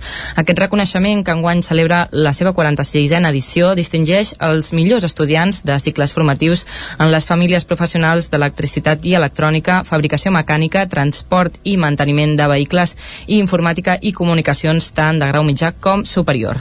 L'edició d'enguany ha estat especial per l'impacte que ha tingut la pandèmia per la comunitat educativa. El confinament, les classes virtuals i el sobreesforç han condicionat aquest curs escolar. Per aquest motiu, des de l'organització del Guardó, s'ha volgut fer un reconeixement a la capacitat d'adaptar-se d'aquesta situació i fer front a un curs tan atípic valorant la tasca desenvolupada per tots els equips docents. De fet, la situació actual provocada pel coronavirus farà que l'acte de lliurament dels premis se celebri amb un accés limitat i només obert als alumnes guardonats i als seus tutors el pròxim 1 de desembre. El professor de la Universitat de Vic, Ronald Pupo, ha traduït a l'anglès la poesia i part de la prosa de Joan Maragall dins el llibre One Day of Life is Life. Anteriorment ja havia traduït obres de Jacint Verdaguer i ara ha decidit fer-ho amb un dels altres poetes principals de Catalunya. Ho va explicar aquest dimarts al programa Quatre Paraules del Nou TV. Maragall, per mi, personalment, jo havia treballat molt Verdaguer, a més de ser important, era el pas següent lògic per mi perquè de, en, en, encara que siguin poèticament uh, distints uh, Maragall i Verdaguer tenen coses en comú a més, l'antologia conté anotacions de Pupo que explica els contextos la, i la importància de cada escrit. Dins del llibre hi ha més poesia que prosa, però segons el professor, la que han escollit és molt potent. Hi ha més poesia perquè hi ha poemes eh, del que pensem que no són els més representatius dels cinc poemaris que van, es van publicar en vida de Maragall. I perquè és que té més de 400 escrits els, eh, en, en prosa Maragall. Són, eh, és, clar, són, són moltíssim. Però els tres que hem triat de la Setmana Tràgica són molt potents One Day of Life is Life és la primera antologia de poesia i prosa en llengua anglesa de Joan Maragall. El llibre de l'editorial Fum d'Estampa ja està a la venda. I fins aquí el butlletí informatiu de notícies de les 10 de, de les 10 del matí. Ja ho direm bé que hem fet amb les veus de Vicenç Vigues, Clàudia Dinarès, David Auladell, Caral Campàs i Isaac Muntades. Ara, arribats a aquest punt, els que ens toca és fer de nou una ullada a la situació meteorològica.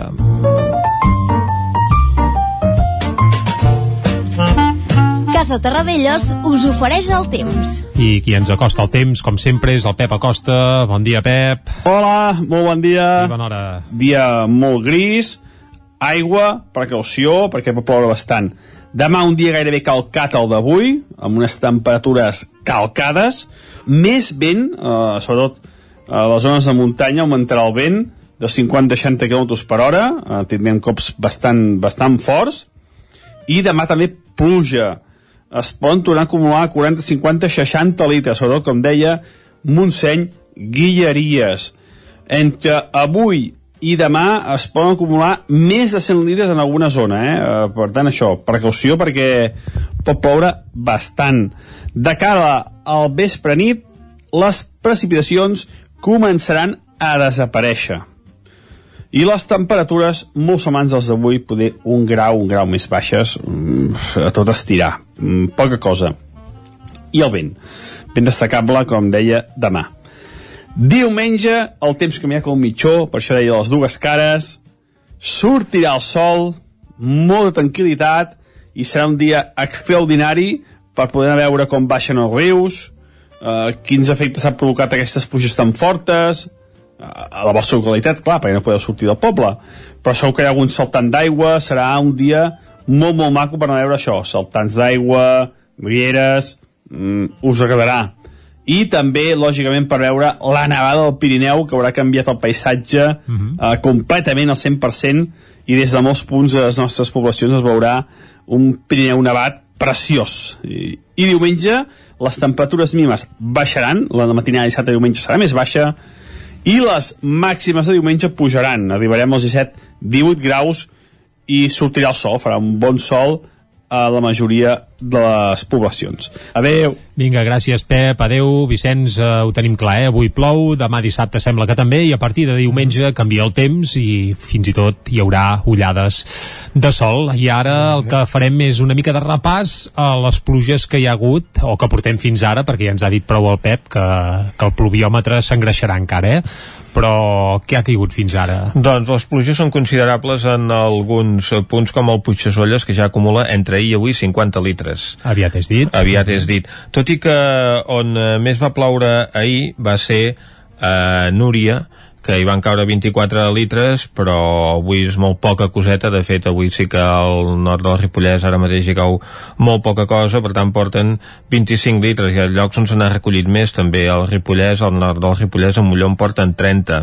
A Viladrau entre ahir i avui doncs n'acumulen 28, a Tagamanent 27, pràcticament tots recollits avui, els mateixos que Granollers, a la Castanya, també al Montseny, a la zona de Llevant, però en terme del Brull, hi porten 22 litres recollits, 21 a Espinelves, 20 als Hostalets a Balanyà i a Parets, 19 a Caldes de Montbui, 16 a Alpens, 16 a Ull de Ter, on també la majoria, la gran majoria es van eh, doncs, recollir ahir, a Vidrà 15 litres o a Sant Pau de Segúries 14. Doncs vinga, xifres aquestes que segurament Anem sumant. aniran sumant el que caigui avui i també durant eh, tot demà. El que farem ara nosaltres és una re, molt breu pausa i de seguida anem cap a l'Atlàntida de Vic. Això sí, anem virtualment perquè, perquè presencialment aquest cap de setmana tota l'activitat que hi havia sembla que s'ha ajornat. Ens en parlarà de seguida eh, la seva directora general. Ara una pausa i de seguida la saludem. Fins ara.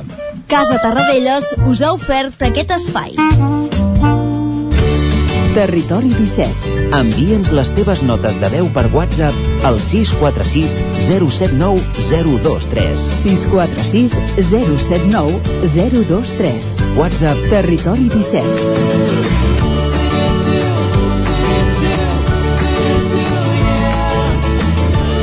Territori 17. Som a Facebook, Twitter i Instagram amb l'usuari Territori 17.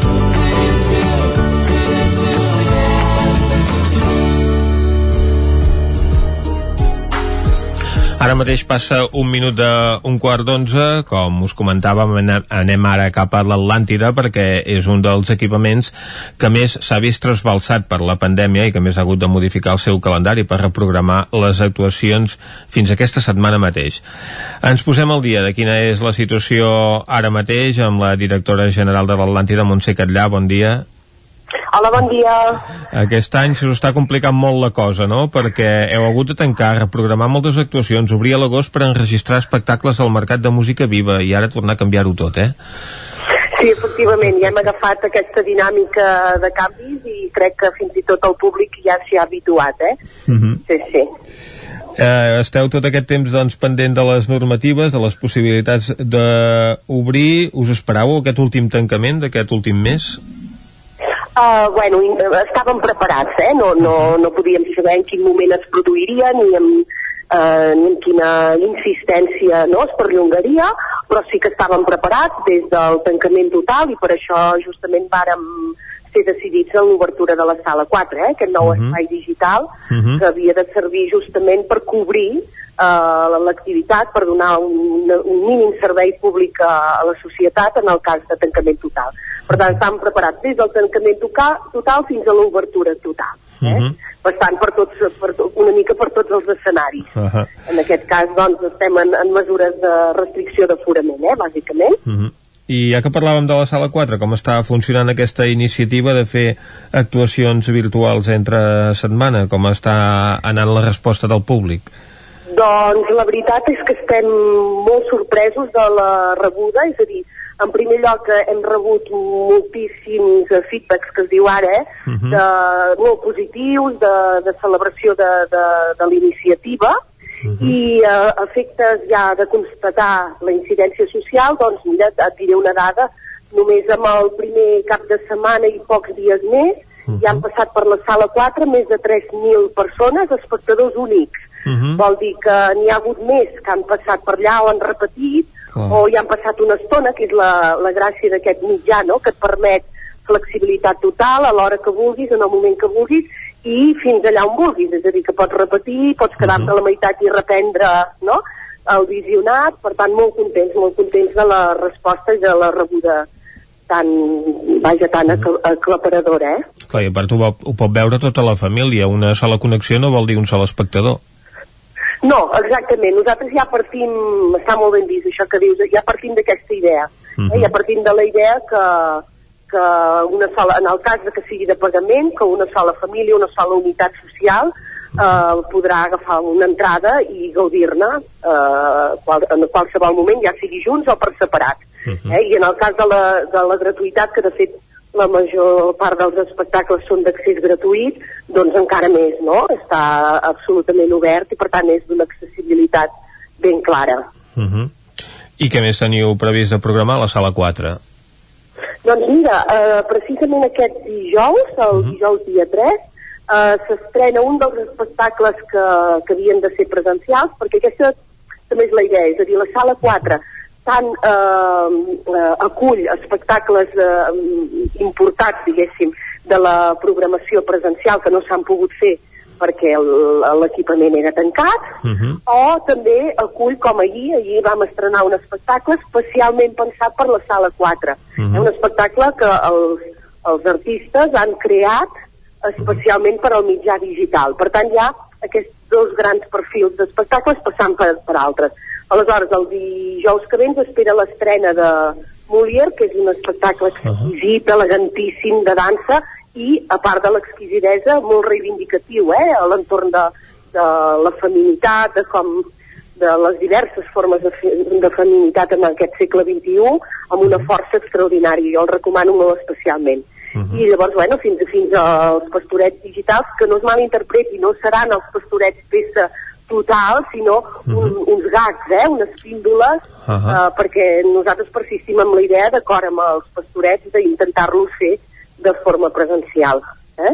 Per tant... I llavors entre mi... Perdona, digues. No, no, anava a dir que esperem que aquestes festes de Nadal, per tant, es puguin dur a terme les representacions dels pastorets, com s'ha fet sempre.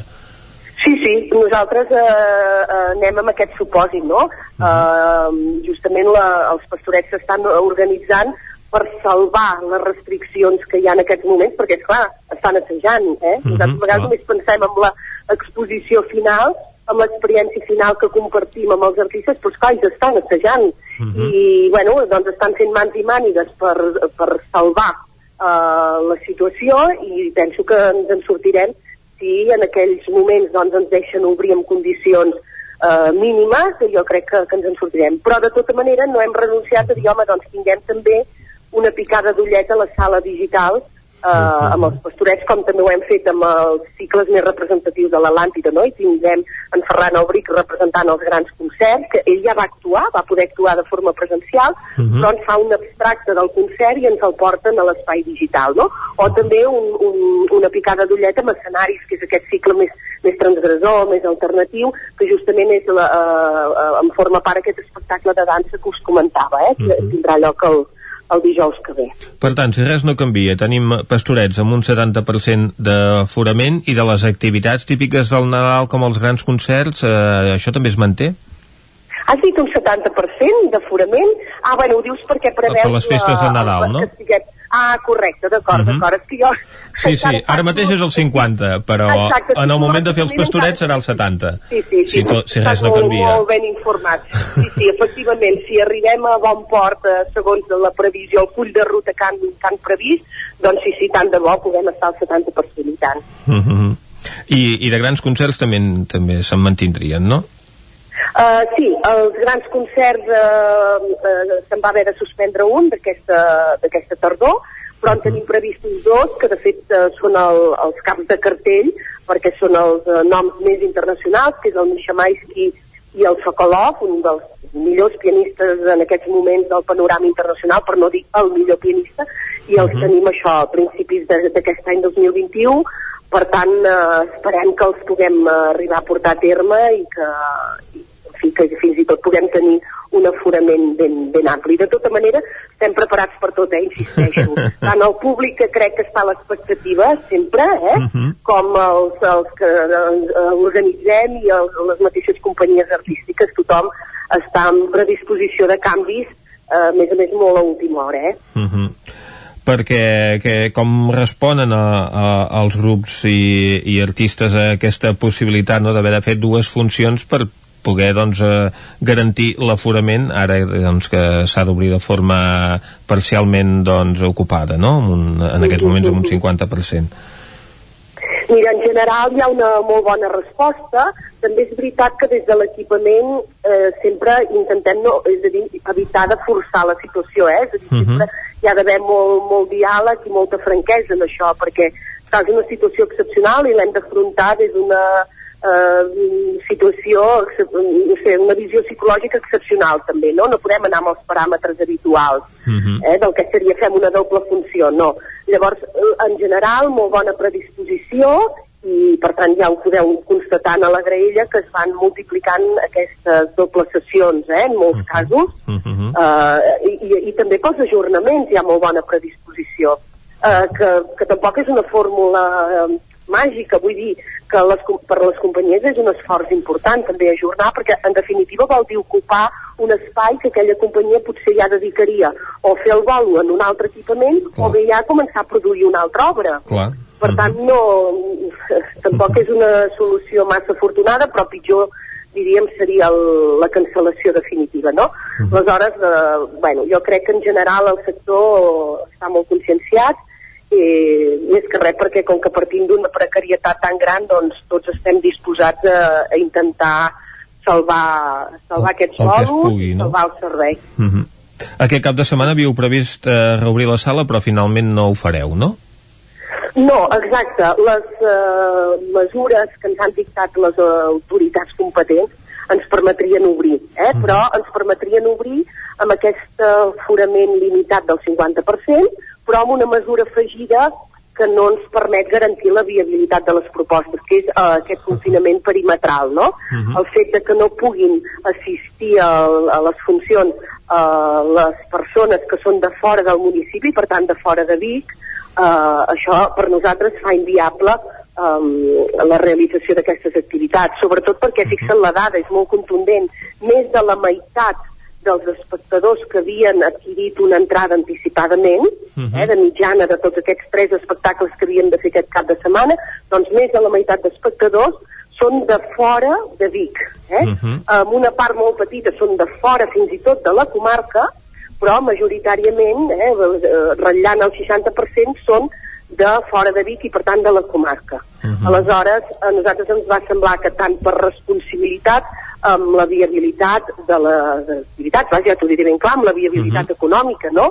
Uh, però també per respecte a totes aquestes persones que es quedarien sense entrada després d'haver fet confiança a la proposta de l'equipament de fa molt temps, perquè són gent eh, que, doncs, que han adquirit aquesta entrada en plena pandèmia, no? Eh, fent, fent una aposta per venir a teatre, doncs ens va semblar que, que totes dues eh, raons eren prou de pes com per replantejar el calendari. Hem de deixar-ho de aquí, les- se'ns acaba Ai, el temps. Moltes gràcies, El nou Montse. FM, la ràdio de casa, al 92.8. Òptica Visual Opti3. Regala qui estimis, visió, salut, protecció, prevenció i moda. Per tu, regala't una revisió visual completa. Visual Opti3, la teva òptica. Ens trobaràs a Facebook, Instagram, visualopti3.com i a la plaça Major 39 de Vic. Per estar bé a casa, vine a Mobles Verdolet. Sofàs, sales d'estudi, dormitoris, menjadors i molt més. Mobles fets a mida. Mobles Verdolet. Ens trobareu al carrer Morgades 14 de Vic i al carrer 9 44 de Torelló i també a moblesverdolet.com. Mobles Verdolet. Cocodril Club. Si t'agrada la bona música dels anys 60, 70 i 80, escolta el 9 FM als matins de dissabtes i diumenges d'11 a 1. És el temps del Cocodril Club, tot un clàssic de la ràdio, amb les bases del pop-rock, les llegendes, les cançons que s'han convertit en autèntics himnes. Recorda, dissabtes i diumenges al matí, d'11 a 1, al 9 FM 92.8. Cocodril Club, el programa revival de l'Albert Malla. Hasta luego, cocodrilo. Només pensar en passar aquesta nit sense calefacció amb aquest fred? No es preocupi, hem analitzat a fons la caldera i de seguida quedarà reparada i en funcionament. Quan tingui un problema amb la seva caldera, vagi directament a la solució. Truqui sempre al servei tècnic oficial de Saunier Duval i despreocupis, perquè som fabricants i coneixem les nostres calderes peça a peça. Informis a Oficiat Nord trucant al 938860040. Saunier Duval, sempre al seu costat. La Fogonera, resistència gastronòmica. És un restaurant? És un rostidor? És La Fogonera, la cuina en directe des de GURB, on encarregues, ho vens a buscar i ara també t'ho portem a casa. La Fogonera, resistència gastronòmica. Ara, amb la fogonera de dia, amb aperitius, arrossos, segons plats i postres. I quan cau la nit, Ens transformem en un popurri culinari. Burgers, pizza, pasta... Truca al 93 851 55 75 o entra a lafogonera.cat. La Fogonera, el teu aliat gastronòmic. Cada territori té un atractiu o més d'un. El fruit, el paisatge, la seva gent, les pedres... Camins de l'Eix. Descobrint el capital de terra endins. Camins de l'Eix, dissabte a les 9 del vespre al 9 TV. Aquesta setmana, al Bages, amb el suport de la Generalitat de Catalunya. 7 milions i mig de futurs.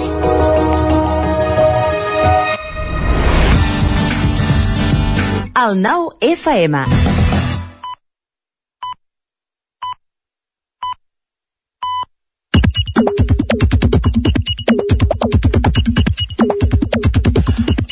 Ara mateix són dos quarts onze i tenim aquí l'Isaac Moreno posant-se els auriculars a punt de fer-nos una lectura dels tuits al dia. És que algú s'ha posat els auriculars que tenia... Tenia un altre cap, eh? Un cap més gran que el meu. o més cabells, bàsicament. No crec que sigui qüestió de cabells. Va, som -hi. Comencem una pilota de la Teresa Rossell. Diu, quan veig que algun amargat es creu que pot humiliar o menys tenir una persona propera perquè sap que mai s'hi tornarà em surt la vena. I sóc perillosa. Bon divendres. Comencem el dia amb una alerta. Doncs sí. Dues pilades de per què no ens fotin el tren. Diu, "Cre- creiem que ja comença a ser hora que Rodalies torni a posar els sis trens de Rodalies 3 de l'Hospitalet de Granollers doncs no té cap sentit que els hagi tret des del mes de setembre. Ten, eh, cita el Departament de Territori, el conseller Calvet, i diu teniu la competència en horaris, és decisió totalment vostra posar-los de nou. I una altra piulada amb una fotografia diu les escales de l'estació de Vic fa mesos que estan avariades. Així treballa Adif i així ho permet Territori. I llavors els partits no entenen per què costa que els votem. L'usuària mi, biguetana, arroba M-I-I-I-S-M-E-S-S, miismes, Diu, una de les coses que em fa plorar és la no distinció entre llengua i llenguatge, sobretot de la gent que es dedica a la literatura.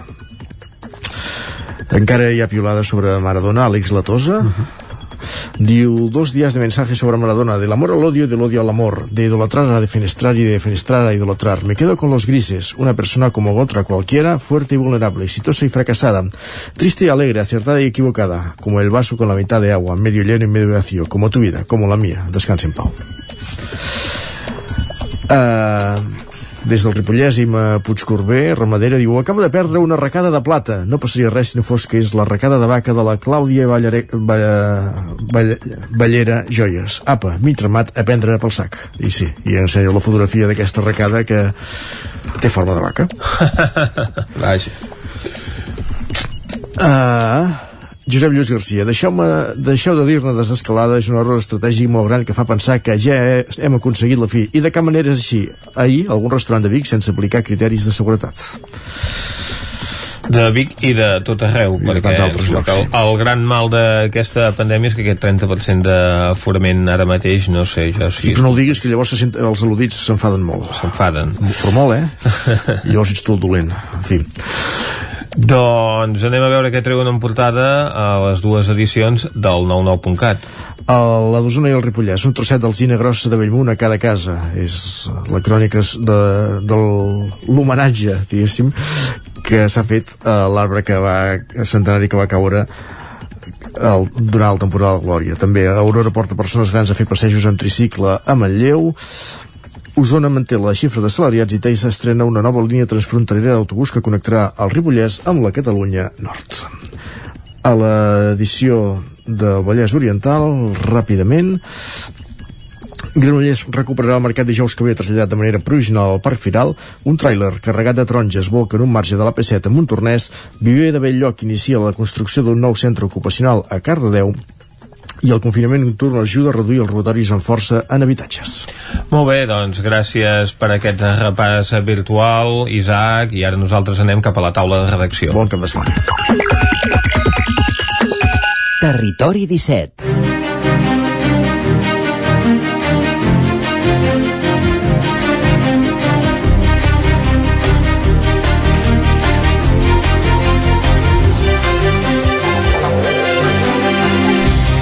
Avui a la taula de redacció ens acompanyaran la Txell Vilamala i en Jordi Vilarrodà.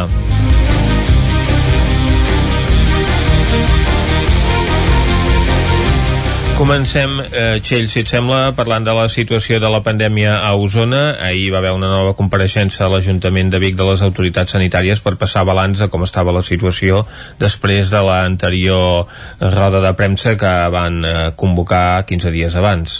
Bon dia, Vicenç. Ara estem molt ben acostumats perquè cada 15 dies tenim la sort que l'Ajuntament de Vic ens asseu a la mateixa taula eh, representants de l'atenció primària, també del Consorci Hospitalari de Vic, de l'Hospital de la Santa Creu i de l'Agència de Salut Pública de Catalunya. Per tant, això és un luxe, eh, ja que si nosaltres intentéssim parlar per separat amb tots aquests agents, potser ho aconseguiríem, però sempre hi ha alguns filtratges de premsa eh, que ho fan una mica més complicat.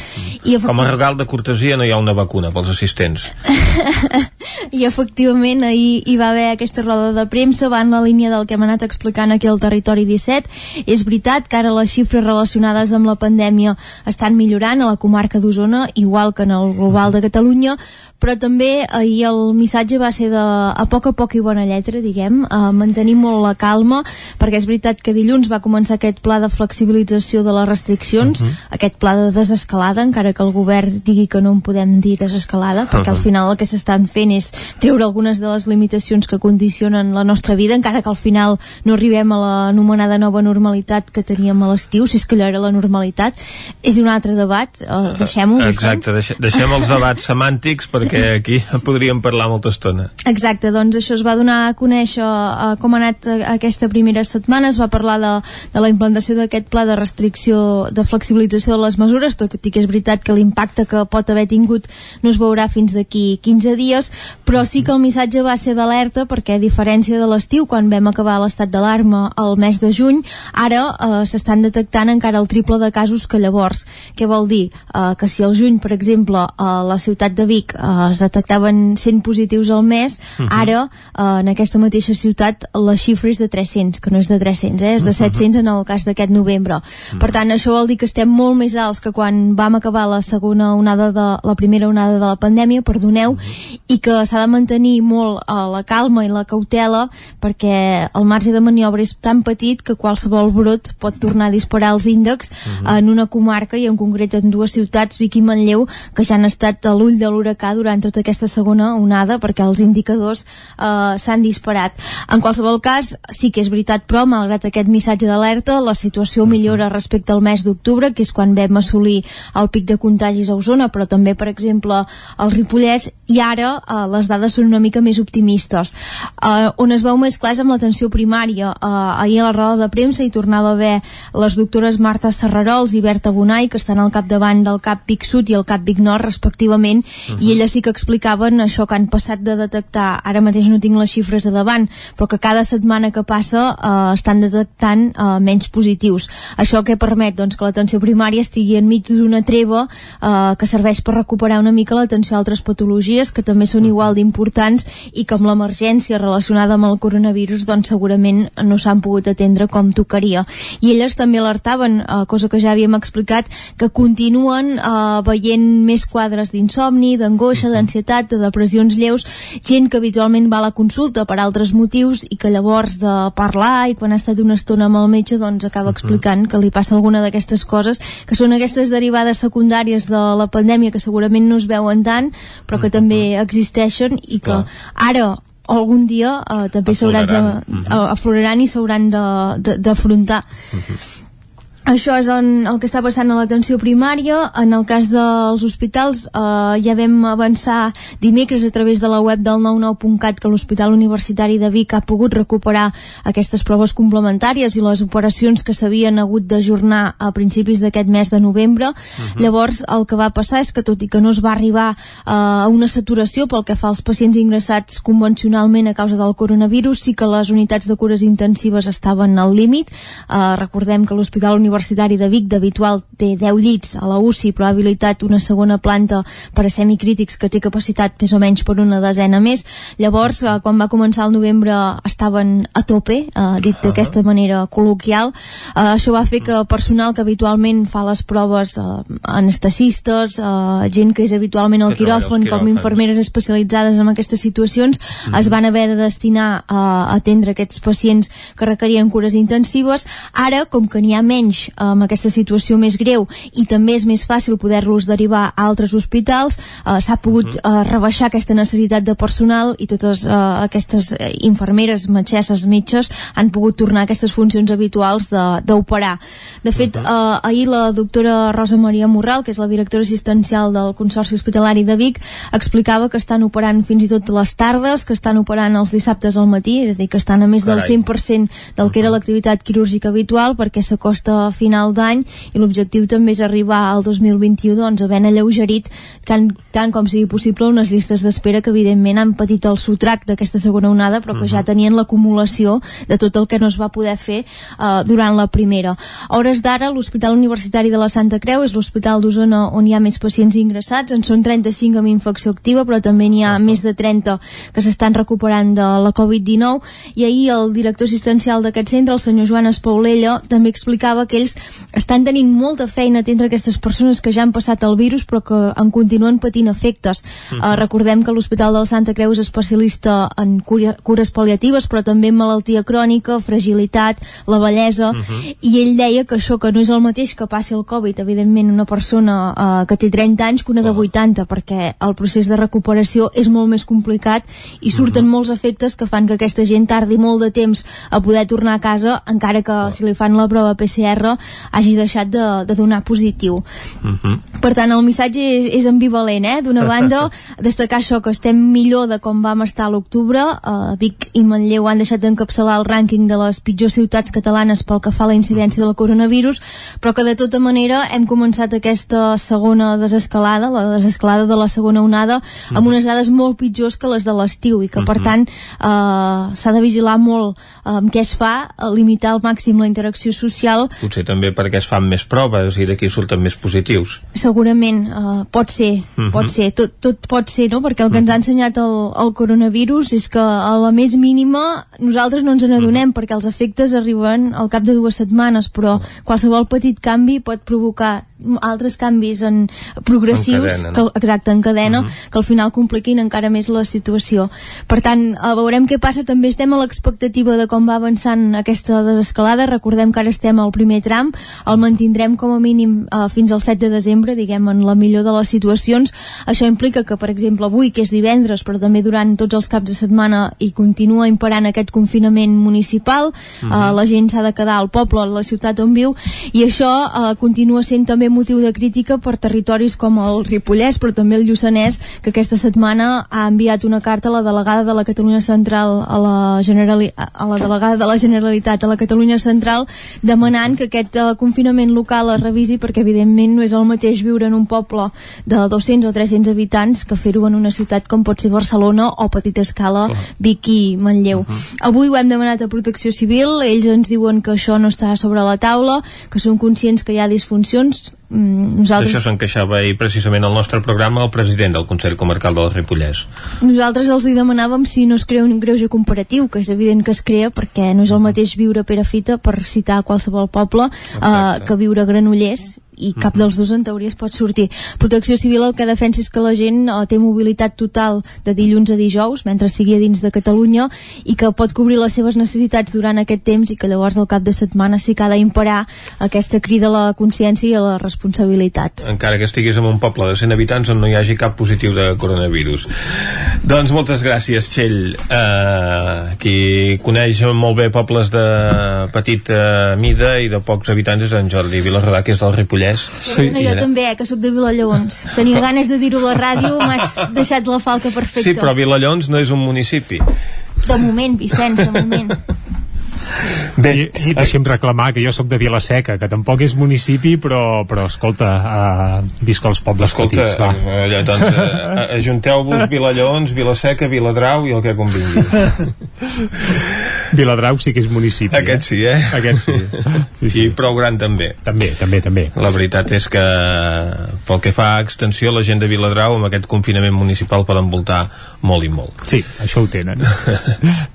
Però va, ara no parlem de pobles petits, no, no amb en però... Jordi Vilarrodà, no, senyor. reprenem el fil. Eh? Exacte, eh, parlarem amb ell de, de, de dades que també creixen eh, durant la pandèmia i de forma paradoxal, com és la matriculació a la Universitat de Vic, no Jordi? Doncs sí, la matriculació a la universitat de la que es van conèixer les dades definitives uh -huh. eh, va bé, eh, primer eh, clar, és una mica tard, dius ostres, a finals de novembre, sí, és clar és que tot just fa eh, uns 15 dies o poc més que es va acabar la matriculació dels estudiants de, que havien fet la selectivitat perquè tot ha anat més tard, Clar. la selectivitat del setembre, per tant eh, eh, tot ha anat més tard i per això no arriben fins ara les, aquestes dades que normalment a finals d'octubre o primers de novembre com a molt ja hi eren eh, la matriculació de la universitat ha anat bé, o sigui, uh -huh. la gent té ganes d'estudiar i continua eh, matriculant-se a, a, a graus universitaris. Eh, per exemple, eh, dades així globals, en el cas de la Universitat de Vic, Universitat Central de Catalunya, eh, en, en global, que vol dir tots els campus, eh, la, la matrícula de nou accés creix un 12% o sigui, en graus, en els graus, en els cursos de carrera, diguem, uh mhm. -huh. creix un 12%. Això és molt. És molt. Eh, I eh, si, si, si agafem el global d'estudis, perquè la universitat no només fa els graus, les carreres, sinó que fa formació doncs, de màsters, etc etc, és, és, un, és un 8%. O sigui, eh, aquesta dada és, és molt positiva. Eh, S'han matriculat molts estudiants. En el campus de Vic, per exemple, en concret, doncs l'any passat es van matricular 1.060 alumnes nous, de, dels que entraven nous, i aquest any 1.200. O sigui que eh, hi ha hagut un creixement del 13%, en aquest cas a Manresa també, menor, però també hi ha hagut aquest creixement. Eh, per tant, eh, són unes dades que valoraven molt positivament ahir els, eh, quan es van presentar, doncs ahir a Manresa els responsables de la universitat, perquè era un incògnit a veure aquest any com aniria això. Uh -huh. I, i s'ha demostrat doncs que ni aquesta perspectiva d'haver de, de fer doncs, una part de, curt, de curs telemàtic que, que hi podia haver i que finalment ha estat així perquè la universitat va començar tot just i de seguida es van haver d'anar-se cap a casa altra vegada. Uh -huh eh, ni aquesta perspectiva no va tirar enrere els estudiants. Tot s'ha de dir que també no és veritat que l'universitat estigui completament buida, per entendre'ns, eh? Mm. perquè hi ha totes les classes, eh, diguem, de pràctiques i hi ha els exàmens que, que, que es fan presencialment, eh? però sí que les, la classe normal no es fa, per entendre's. Eh, doncs bé, aquesta és una tendència. Una altra que es veu també és el creixement dels estudis relacionats amb la salut, perquè hi ha hagut un creixement d'estudiants en la les carreres, per exemple, com infermeria, mm -hmm. que la d'infermeria doncs, ha crescut més d'un 30% la matriculació respecte al, l'any passat, a les dades de l'any passat, o també les, la matrícula de medicina, que ha crescut un 25%. Mm -hmm. eh, en el cas de medicina més s'ha donat un fet curiós, que és que hi havia estudiants catalans que com que no tenien plaça aquí o buscaven bé, segurament al seu moment manca de places. Se n'havien anat a estudiar a diferents llocs d'Europa. Uh -huh. i fins i tot d'Amèrica Llatina. I aquests estudiants ara amb la perspectiva actual, a més a més les dificultats de viatjar, han fet un canvi d'expedient i s'han matriculat aquí, no sempre primer, a vegades són de segon o de tercer ja, i eh, n'hi ha uns quants d'aquests estudiants, n'hi ha uns 40 que són estudiants catalans repescats de diferents llocs que, que tornen i que han vingut a estudiar aquí a, a la Universitat de Vic. Què ha passat, eh, en canvi, doncs, que no ha anat bé? Eh, era evident, la, el, el moviment internacional. El moviment internacional, o sigui, ha, ha caigut, però en picat. Perquè eh, venien molts estudiants, o venen molts sí, estudiants. Sí, tenia, doncs, d'uns 300 estudiants eh, del curs passat, doncs, s'ha passat a 93 aquest any. Uh -huh. eh, és, és un fenomen que, esclar, és lògic perquè la gent veu males perspectives, doncs, per poder, per poder viatjar, per poder-se moure, uh -huh. eh, de, d'anar a estudiar potser sí en una universitat però després no saber quan, quan i com podràs tornar a casa i per tant mm -hmm. això s'ha reduït però esclar també és una cosa que es confia a recuperar en el, en el seu moment mm -hmm. eh, el rector deia, fa, temps que hem deixat de ser una universitat petita. Per què? Perquè, tal com han anat les dades de matrícula, eh, la Universitat de Vic, Universitat Central de Catalunya, en el seu conjunt, eh, arriba a 9.915 estudiants matriculats. Eh, o sigui, fregant els 10.000. I aquí encara no hi contem l'ISABA, aquesta ah, facultat de disseny que es comptarà a partir del curs que ve com a alumnes uh -huh. de la Universitat de Vic. Aquesta encara uh -huh. no compta Per tant, el rector Banyos deia som una universitat mitjana, o sigui, ja es passa, per Ah, exemple, per sobre l'UDL. Eh, S'acosta, Mhm. doncs, a les xifres doncs, de la Pompeu Fabra o la de Girona, que són més o menys properes a, a la de Vic. I, i també la roda de premsa d'ahir doncs, se li preguntava i això eh, eh, és una possibilitat doncs, de, de creixement sense, o sigui, sense límit per entendre'ns. I ell deia que no, ell deia que pensa que una universitat com aquesta eh, per ser governable bé eh, s'ha de fixar més o menys l'horitzó dels 12.000 com a, com a límit. És a dir, aquest creixement pot anar tirant però ell creu que no hauria de pa- sobrepassar els 12.000 estudiants, que Mhm. és una bona xifra, que és la que es mou, per exemple, a la Pompeu o la de Girona, i eh, per estar posicionats en el, en el sistema universitari català, però eh, sense que això creixi d'una manera desmesurada i després sigui d'alguna manera més difícil de gestionar.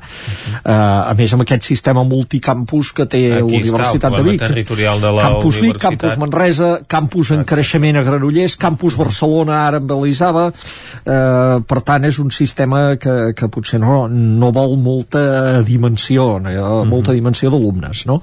En qualsevol cas ha anat bé això, eh, ha estat un any d'un curs el passat, doncs, de, d'adaptacions, de- de- d'haver de fer moltes inversions fins i tot imprevistes. Eh, en Joan Torró, el, el director general de la Fundació Universitària Balmes, deia que es havien gastat eh, més de 750.000 euros en inversió informàtica, o sigui, sobretot informàtica, alguna també d'adaptació d'aules, però bàsicament informàtica, de nous servidors, de, de, de tota la infraestructura que cal perquè la gent pugui estar treballant bé des de, des de casa, o estudiant des de casa, no? Perquè tothom es pugui connectar a la perquè universitat per seguir les connectar, classes. es pugui connectar a molta velocitat i tot funcioni bé.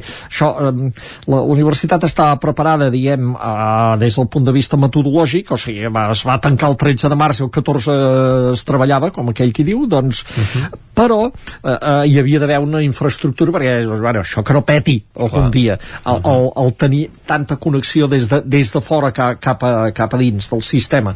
I per això doncs s'han fet aquestes inversions que, que es podien fer perquè el sanejament econòmic de l'universitat és bo i ara l'objectiu és veure eh, si es lliga el contracte programa que és aquest acord del que sempre parlem amb la Generalitat, que és una mena d'acord de dir, durant els pròxims 4 anys vostès tindran eh, Tant. tants diners de finançament públic que això d'augmentar. Què permetria això? Rebaixar el preu de matrícula dels estudiants. Quin és l'obstacle? Que hi ha unes eleccions el 14 de febrer.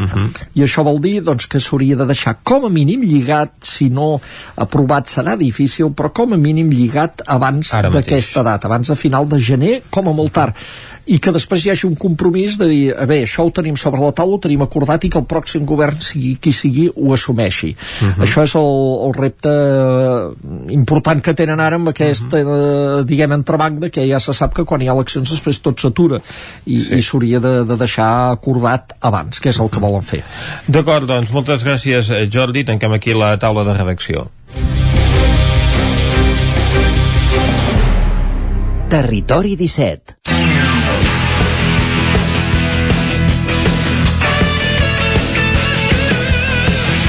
Doncs tanquem la taula de redacció, Vicenç, i anem a fer el repàs esportiu dels equips de Territori 17 per aquest cap de setmana, oi? I tant que sí, anem a fer el repàs de quines són les activitats esportives que es duran a terme en aquells pavellons on s'hi poden dur a terme partits i activitats esportives en compliment de la normativa actual, sobretot aquells que juguen competicions d'àmbit estatal. Correcte. I com que d'aquests en tenim eh, doncs, a diferents llocs, comencem eh, al Vallès Oriental i a Ràdio Cardedeu concretament, on ens espera l'Òscar Muñoz. Bon dia, Òscar. Bon dia. Quins partits tenim per aquest cap de setmana?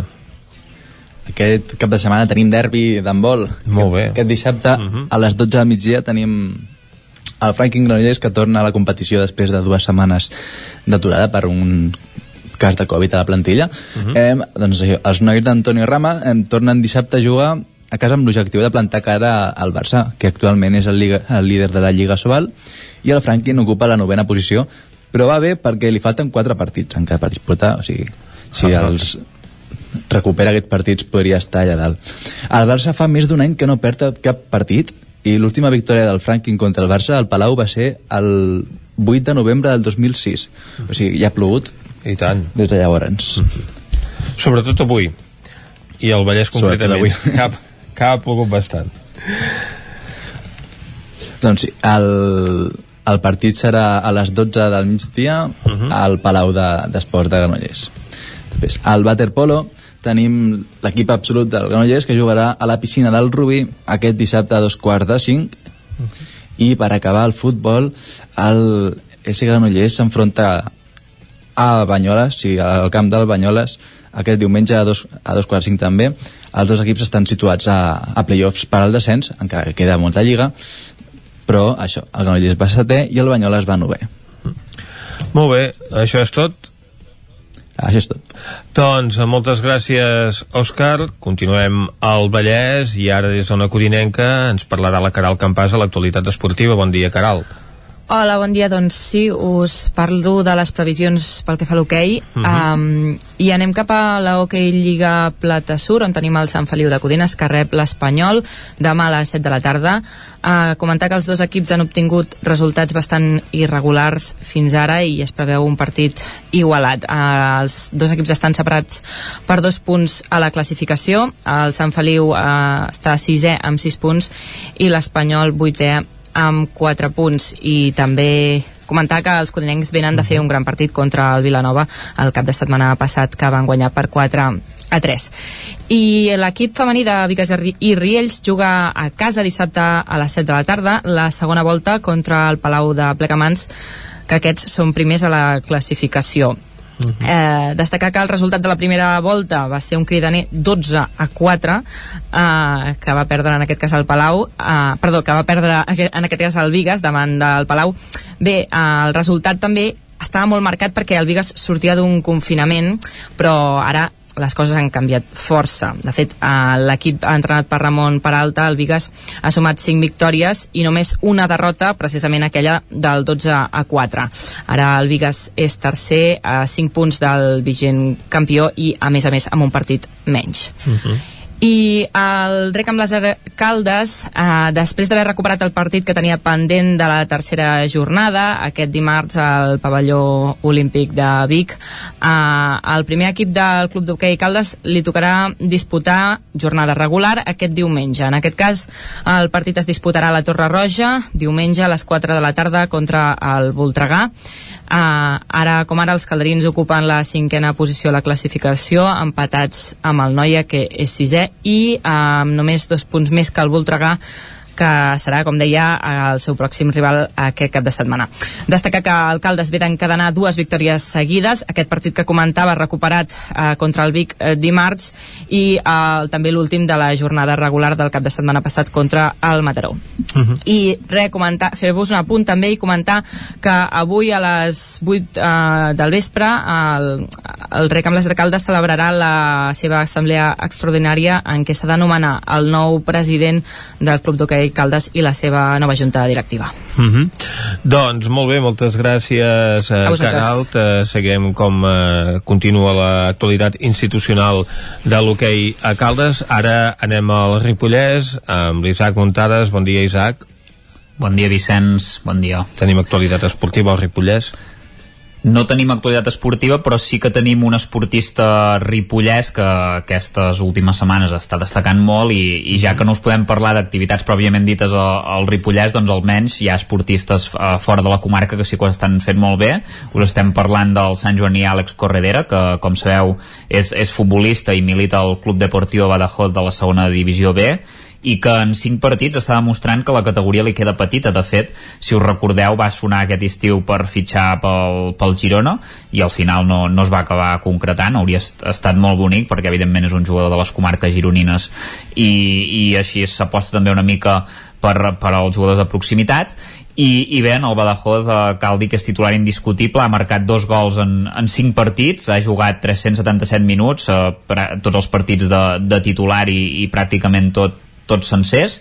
I, i bé, cal dir que el Badajoz doncs, eh, ara mateix, gràcies també en part a l'Àlex Corredera doncs és el líder del subgrup A amb 13 punts amb, amb 4 victòries i un empat i va llançat doncs, cap a aquesta segona fase per pujar a segona divisió. Recordeu que l'any passat es va quedar a les portes després de perdre el play-off contra, contra el Barça B en la, en la primera eliminatòria als penals i, i després de fer una molt bona temporada a la Copa del Rei on va acabar uh, sent eliminat pel Granada després d'eliminar altres equips de, de primera divisió. Per tant uh, a veure si l'Àlex Corredera l'any que ve el podem tenir uh, al futbol professional a veure, doncs, si finalment aquest jugador format al Barça aconsegueix consolidar-se al futbol professional. Moltes gràcies, Isaac.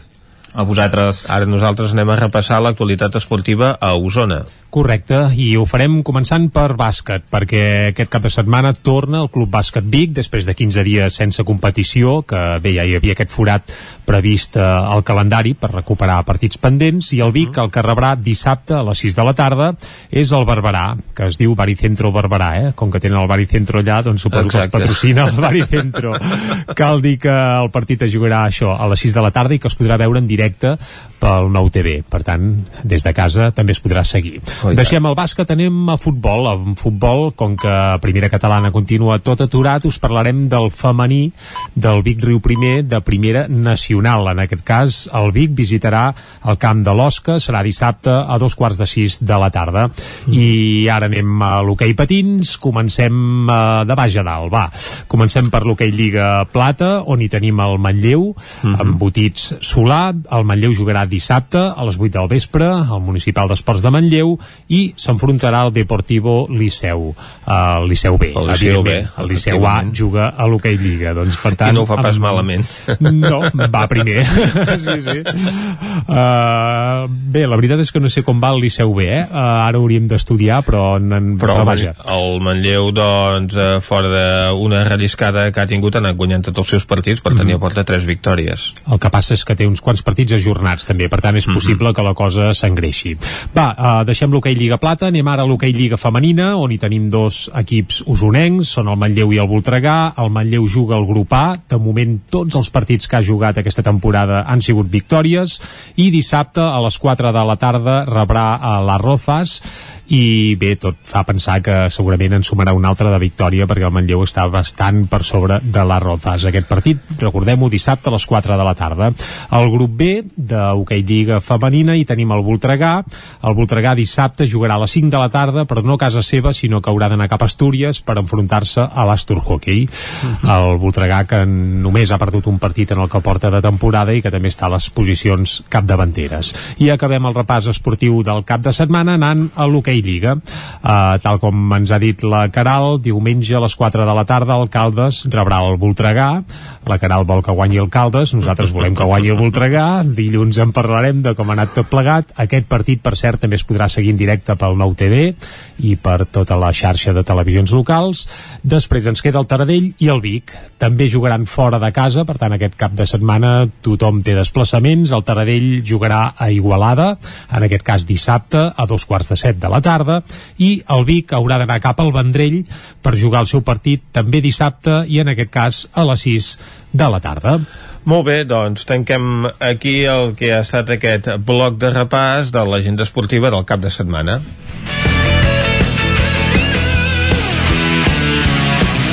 I quan passen un parell de minuts i mig de les 11 del matí, torna la informació de les nostres comarques, les comarques del Ripollès, Osona, el Moianès i el Vallès Oriental. Territori 17, amb Vicenç Vigues i Jordi Sunyer.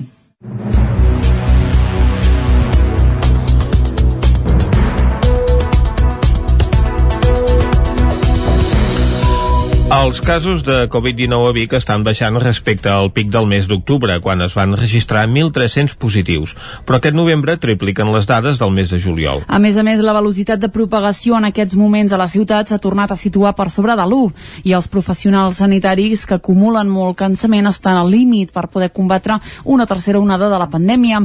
Les crides a la prudència davant de l'arribada de les festes nadalenques i amb l'evidència que molts contagis es produeixin en l'àmbit familiar van ser una constant aquest dijous en la nova compareixença de les autoritats sanitàries d'Osona i l'alcaldessa de Vic, Anna R.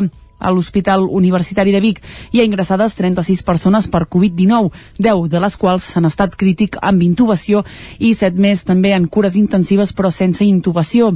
La reducció de la pressió a l'hospital ha permès al Consorci recuperar l'activitat quirúrgica i de consultes externes. A l'Hospital Universitari de la Santa Creu en aquests moments 35 persones hi estan ingressades amb infecció activa i 33 en fase post-Covid. A l'Hospital Sant Jaume de Manlleu aquest dimecres hi havia una persona ingressada per coronavirus. Als centres hospitalaris d'Osona la darrera setmana hi han mort 13 persones per causes relacionades amb la Covid-19. Imma Cervós és la subdirectora de Salut Pública de la Catalunya Central i Rosa Maria Morral, directora assistencial del Consorci Hospitalari de Vic. A dia d'avui tenim una situació bastant més complicada que el mes de juliol, el triple de casos, podríem dir, amb una incidència de brots familiars també que és el triple respecte al juliol i amb una situació de transmissió respecte al mapa, aquella foto difosa el virus o que es difon per tota la ciutat amb, amb una franja d'edat dels 15 anys fins als 50 i escaig. El desig de tots és que la població sigui sobretot molt conscient del moment en el que estem, perquè si fem les coses bé anirem baixant, però estem en un punt que tots estem molt cansats, molt cansats, molt cansats, i si ens relaxem i tornem fent passes enrere, això serà duríssim, eh? Una tercera onada serà molt, molt difícil d'aguantar. En aquesta segona onada, els hospitals d'Osona estan treballant per compaginar al màxim l'atenció als pacients de Covid-19 amb l'assistència i el seguiment de les persones que pateixen altres malalties amb l'objectiu d'afectar al mínim possible l'atenció de la resta de problemes de salut. Si l'augment continuat de pacients amb Covid-19 va obligar a anar desprogramant de forma progressiva activitats no urgent, la millora de les dades permet ara anar-la recuperant en la mateixa mesura i fer-ho, a més, mantenint els exhaustius protocols i mesures de prevenció que garanteixen que els hospitals siguin entorns al màxim de segurs tant pels pacients com pels professionals. L'Ajuntament de Vic visitarà a més de 500 persones majors de 80 anys que no utilitzen els serveis bàsics socials a la ciutat. La visita a domicili té l'objectiu de prevenir situacions de risc i detectar necessitats, així com informar de l'oferta de serveis. L'Ajuntament de Vic implanta el programa Els Serveis Socials Més a Prop, un recurs de la Diputació de Barcelona. Es tracta de visitar persones més grans de 80 anys no usuàries dels serveis socials bàsics de la ciutat per tal de detectar les seves necessitats i prevenir situacions de risc. Núria Oms és la regidora de Benestar i Família de l'Ajuntament de Vic. A la ciutat tenim unes 2.000 persones de més de 80 anys, de les quals unes 1.500 nosaltres les atenem, però n'hi ha 500 que eh, no tenim detectades, val? que són persones que no han vingut doncs, perquè no han tingut la necessitat. D'acord?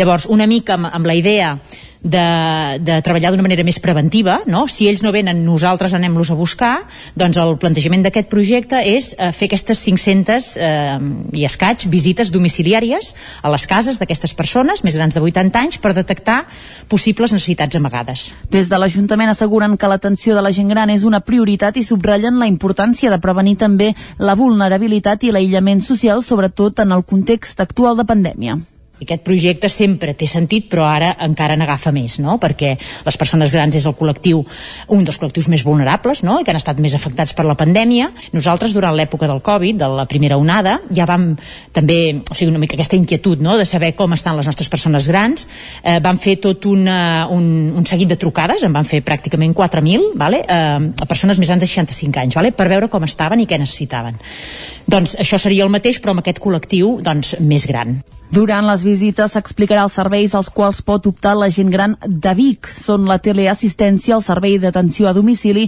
el centre de dia i serveis preventius com els tallers de memòria o el programa d'activitat física Vic Activa.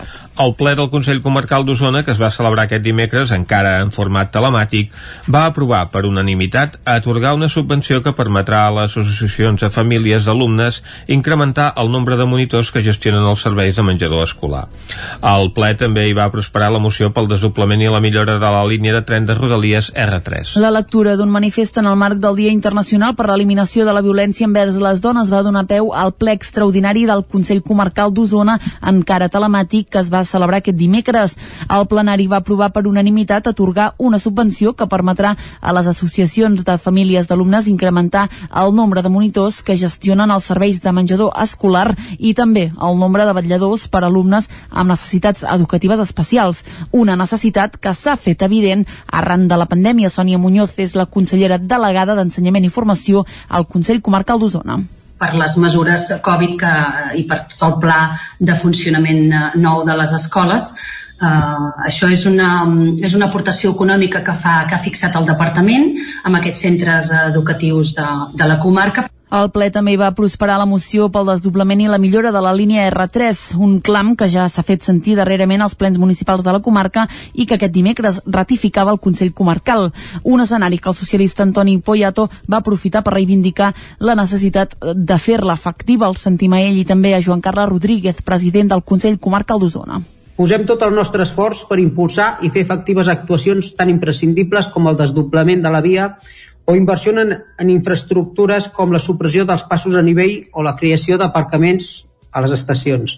Hi ha el tram de Sant Martí de Centelles, Vic, que aquest és un tram eh, orogràficament eh, poc complicat i per tant d'alguna manera s'ha d'insistir per eh, tirar endavant l'estudi de traçat, l'estudi informatiu eh, que s'avanci en els projectes executius per tal de fer realitat inversions i millores en, en la línia també va tirar endavant la modificació del servei d'atenció domiciliària, un servei fins ara gestionat per la Fundació Assistencial d'Osona, que a partir d'ara dependrà directament del Consell Comarcal d'Osona, un canvi que inicialment comportarà un augment de preu que hauran d'assumir els ajuntaments de la comarca, tot i el compromís per part de la Generalitat de destinar-hi recursos. L'alberg de Sant Joan passarà a ser gestionat per l'Agència Catalana de Joventut i no per una empresa privada com estava previst en un inici. Isaac Muntades, des de la veu de Sant Joan. Finalment, la gestió de l'alberg de joventut Ruta del Ferro de Sant Joan de les Abadeses l'assumirà l'Agència Catalana de Joventut de la Generalitat de Catalunya a partir de l'1 de gener del 2021 i no un tercer a través d'una concessió administrativa com es va aprovar en el plenari del passat mes de juny. En aquell moment, Esquerra Republicana de Catalunya va votar-hi en contra perquè creia que es donava peu a privatitzar l'equipament, però veient el gir que es va produir en el ple d'aquest dimecres amb l'aprovació d'un conveni per cedir la gestió de l'alberg durant un any a l'ens pertanyent a la Generalitat, el qual n'assumirà totes les despeses i en rebrà els ingressos que se'n derivin, va fer-los canviar el sentit del vot per un de positiu. L'alcalde de la vila de Moviment d'Esquerra, Ramon Roquer, va recordar que l'Ajuntament volia canviar el model de gestió de l'Albert des d'inicis d'any. Al principi optaven perquè se'n fes càrrec un tercer, però la situació va canviar amb el pas dels mesos. Tot i que és veritat que l'agència fins no fa pas molt no pretenia fer créixer el número d'albergs. L'agència en aquests moments bueno, té 21 albergs. No, en aquest cas si finalment l'Oslau Ferro eh, s'integra i forma part de la xarxa pública d'albergs eh, passaria de tenir-ne 22 eh, és veritat que ells fins no fa pas molt tenien la política de no créixer i en canvi doncs, en aquests moments tenen la política de créixer i per tant des del moment doncs, que l'agència també ha canviat en aquest sentit una mica la política ha passat a guanyar força la possibilitat de que sigui doncs, l'Agència de Joventut a través de Genescat, l'entitat que pugui gestionar el nostre alberg. El Vall de Sant Joaní va subratllar que tenien propostes i ofertes interessants d'empreses del municipi del Ripollès per gestionar-ho, les quals s'haurien presentat al concurs públic. El destí ha fet que sigui la Xenescat qui se n'ocupi i l'equip de govern se sent molt còmode amb aquesta situació. Roquer va afegir que hauran de treballar plegats per poder pactar les inversions futures. A més, el fet que qui gestioni l'alberg sigui una administració fa que vulgui comptar amb el suport de l'Ajuntament. El portaveu republicà, Sergi Albric, va alegrar-se de la notícia. Estem contents amb el gir, si més no, que s'ha fet amb el tema de la futura gestió de l'alberg, no? Ens preocupava, i així ho varen manifestar, doncs les primeres bases que van aprovar vostès per treure la concessió, que aquell acord de ple doncs, queda aprovat. Ens preocupaven perquè creiem que les bases que s'havien plantejat per treure una possible concessió, dient que mancaven d'ambició social i mediambiental, no? I creiem que hi havia empreses o sectors que es haver interessat per l'alberg, però amb unes bones bases amb aquest, amb aquest focus eh, s'hagués garantir doncs, que una empresa mediambiental segur li pogués, diguem-ne, optar de millor manera la, la gestió. No? El BRIC va avalar l'experiència de la Xenescat i va afirmar que s'arrelaran al territori i potenciaran l'alberg per resoldre'n les mancances. La del Republicà també va demanar que es formi una comissió per fer seguiment de l'alberg i l'alcalde va dir-li que miraran com es pot concretar. L'Oficina de Turisme de Caldes de Montbui presenta un nou eslògan que manté la referència de l'aigua termal. Caral Campàs, des d'Ona Codinenca. L'oficina i la regidoria de turisme de Caldes han presentat un nou eslògan per la vila que ha de substituir l'actual. El nou lema manté la referència a la particularitat termal del poble, però en aquest cas suggereix alguna cosa més i pretén posar èmfasi en la resta de característiques culturals, històriques, artístiques i naturals de Caldes. Carme Germà és regidora de Turisme i Termalisme. Llavors hem passat de la tenim calenta, molt calenta, a més que aigua calenta, molt més. Perquè de fet Caldes a part de, de que l'aigua termal és molt més que aigua calenta, és aigua amb unes propietats mineromedicinals molt concretes i a més a més que té um, totes aquestes propietats naturals que arrossega de la terra, a part, Caldes també és més que aigua termal. Hi ha, hi ha cultura, hi ha tradicions, hi ha gastronomia, hi ha paisatge, i també volíem deixar clara aquesta part de poble amb, que gira al voltant de l'aigua calenta, però que no tot és aigua termal. La nova campanya turística ha arrencat aquesta setmana i de moment s'ha col·locat ja dos dels nous tòtems, un a l'entrada de la vila des de Sant Manat i l'altre des de Sant Feliu. La regidoria, la regidora perdó, apuntava que la Covid-19 ha endarrerit la presentació d'aquest nou eslògan. Des de la Tenim Calenta, que va ser l'octubre del 2019, um, ja, vam deixar, ja vam deixar clar que l'eslògan turístic el, la intenció era canviar-lo cada any per, mm, per crear una mica d'expectació, per fer-lo més atractiu, perquè, mm, perquè se'n parlés, bàsicament, perquè es parlés de Caldes i la gent tingués curiositat. I l'hauríem d'haver canviat al passat octubre, però amb la pandèmia tot ha, ha estat una mica més lent i finalment ha pogut ser ara que, que hem decidit renovar aquest eslògan turístic. El nou eslògan es proposa com el centre d'una campanya promocional que aspira a tenir repercussió a l'àmbit internacional a través de l'Associació Europea de les Viles Termals i de les xarxes socials. A més d'aquesta acció, la regidoria de turisme ja n'ha presentat d'altres com la comercialització del brou elaborat amb aigua termal, que enguany s'ha decidit embotellar, ja que no es podrà celebrar la Fira de Nadal. Llinars del Vallès és de les poques poblacions del Vallès que celebrarà la seva Fira dels Torrons, una fira de Nadal que arriba a la 24a edició. Serà, però, una edició diferent amb els esforços centrats en no perdre l'essència del Nadal i el punt de trobada que vol ser entre els veïns i veïnes de Llinars amb els seus comerços, artesans i petits creadors. A més, per poder ser també un punt de trobada amb la gent de fora, les dates d'enguany seran el 7 i 8 de desembre, dilluns i dimarts. D'aquesta manera obren les portes a que visitants d'altres pobles puguin venir a la població sense saltar-se el confinament perimetral. La manera que l'Ajuntament creu que no posarà en risc la població és tractar la fira com un mercat, amb un punt d'entrada i un punt de sortida, amb circuit d'una sola direcció i amb un aforament del 30% màxim de l'espai, el que són unes 500 persones. Per poder oferir aquestes mesures han apostat per un canvi d'espai. La fira es traslladarà als voltants del Castell Nou de Llinars, ubicat al centre sobre el turó del Parc dels Corbera seguirà tenint diversos actes, tot i que menys, i amb mesures de seguretat d'actes culturals, amb reserva prèvia, distància i recinte tancat a la zona del públic amb els espectacles. Serà obligatori en tot moment l'ús de la mascareta. Enguany, com ja havien fet l'any passat, el senyor Galet i la senyora Neula, els senyors de Nadal faran l'arribada de la màgia del Nadal amb un nou espectacle. I fins aquí el butlletí informatiu de les 11 que us hem ofert amb les veus de Vicenç Vigues, Clàudia Dinarès, David Auladell, Caral Campàs i Isaac Muntades. I ara, quan passa un minut i mig d'un quart de 12, el que ens toca és conèixer clàssics musicals que han fet història. Com sempre, amb el Jaume Espuny. Què ens porta avui? Escoltem-ho.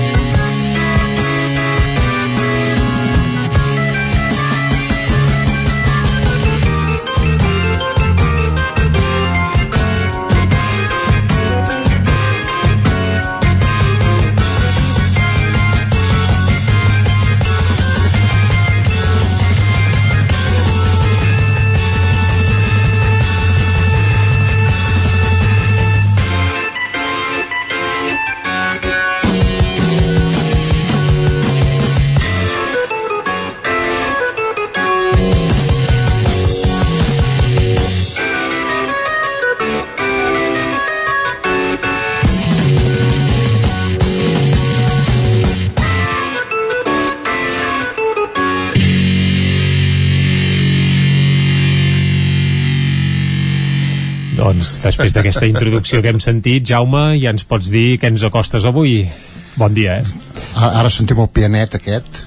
Mm -hmm. Sí. Uh, bueno, uh, el novembre del 1970, ara fa 50 anys, va sortir el primer disc del, del potser el primer supergrup, allò que es va que es va començar eh, amb gent de, de cada grup uh -huh. famós doncs plegaven del seu grup i en feien un altre i es posaven els seus noms a més a més Exacte. no, o sigui, no, Com per exemple, Crosby, Stills, Nash and Young Crosby, Stills, Nash and Young i en com tenim aquests altres, no? Tres? Emerson, Lake and Palmer eh, uh -huh. potser i també és el, el primer i, i l'únic que va durar força, forces anys i bueno, ja hem vist eh, eh, aquesta música això triomfava i és estrany perquè eh, per exemple aquesta cançó, aquest tema era és sense, sense, can, vull dir, sense llet ai, sense cantar. Instrumental, instrumental, instrumental, Instrumental. Home, no és pop de ràdio fórmula, sí, això és a més a més és una versió d'una peça d'en Bela Bartok mm -hmm. aquest eh, compositor que odien força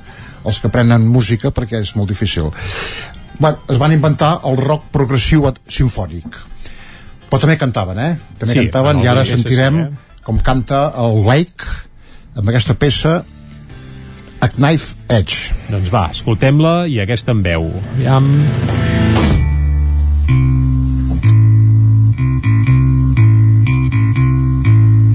Just a step, cried the sad man. Take a look down at the madman. Theater kings on silver wings fly beyond reason. From the flight of the seagull come the spread claws of the eagle. Only fear breaks the silence as we all kneel, pray for guidance.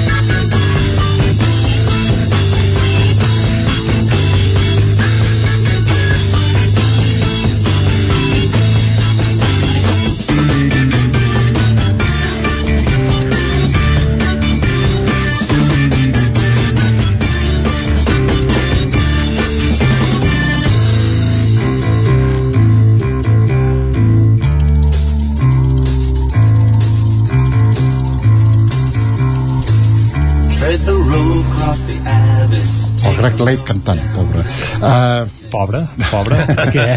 No, una, sí, pobre Sí, perquè... perquè són millors les peces instrumentals. El, no, no, no, no, no, que cantava molt bé. No, no, per, dic que, pobre perquè no el deixaven cantar gaire perquè el Kate Emerson, que era un, era, volia molt protagonisme. Kate Emerson és el que toca sintetitzadors, orga, piano, i el, El que remena les tecles, tots sí, els sí, teclats, totes les tecles, sí. i eh, de fet era un espectacle en directe el Kate Emerson perquè bueno, us pujava de peus uh, al piano I tocava amb els dits als peus. amb els dits als peus i a vegades en ganivet amb un ganivet anar punxant les, les, les tecles Pobres. és, és llegenda però és veritat eh? bueno, el, el Kate Emerson venia del grup eh, un grup que es deia Nice una mena de Genes, Genesis. El Greg Lake venia d'un grup potent, el King Crimson. Eh, Greg Lake tocava cor, guitarres i baix. I un senyor molt moderat mm, molt més tranquil que l'Emerson no? I, i més doncs, en segon terme. I el Palmer, el Carl Palmer venia d'un grup de rock potent a, Atomic Monster Ros, Atomic Roster, perdó eh, aquí tenia 19 anys Quan van començar. sí, sí, vull dir aquest, aquest O sigui, bateria que 19 anys sentim ja estava consolidat. estava consolidat, jo venia d'un grup i aquí eh, jo és un dels millors bateries que, que he escoltat mai eh, ara sentirem un altre, un altre tema instrumental també que sentirem eh, aquí l'Emerson toca sembla, podria ser l'orga orga de Montserrat però no és l'orga de el Royal Festival Hall de Londres. Oh, i tal, ja està sonant, escoltem-lo.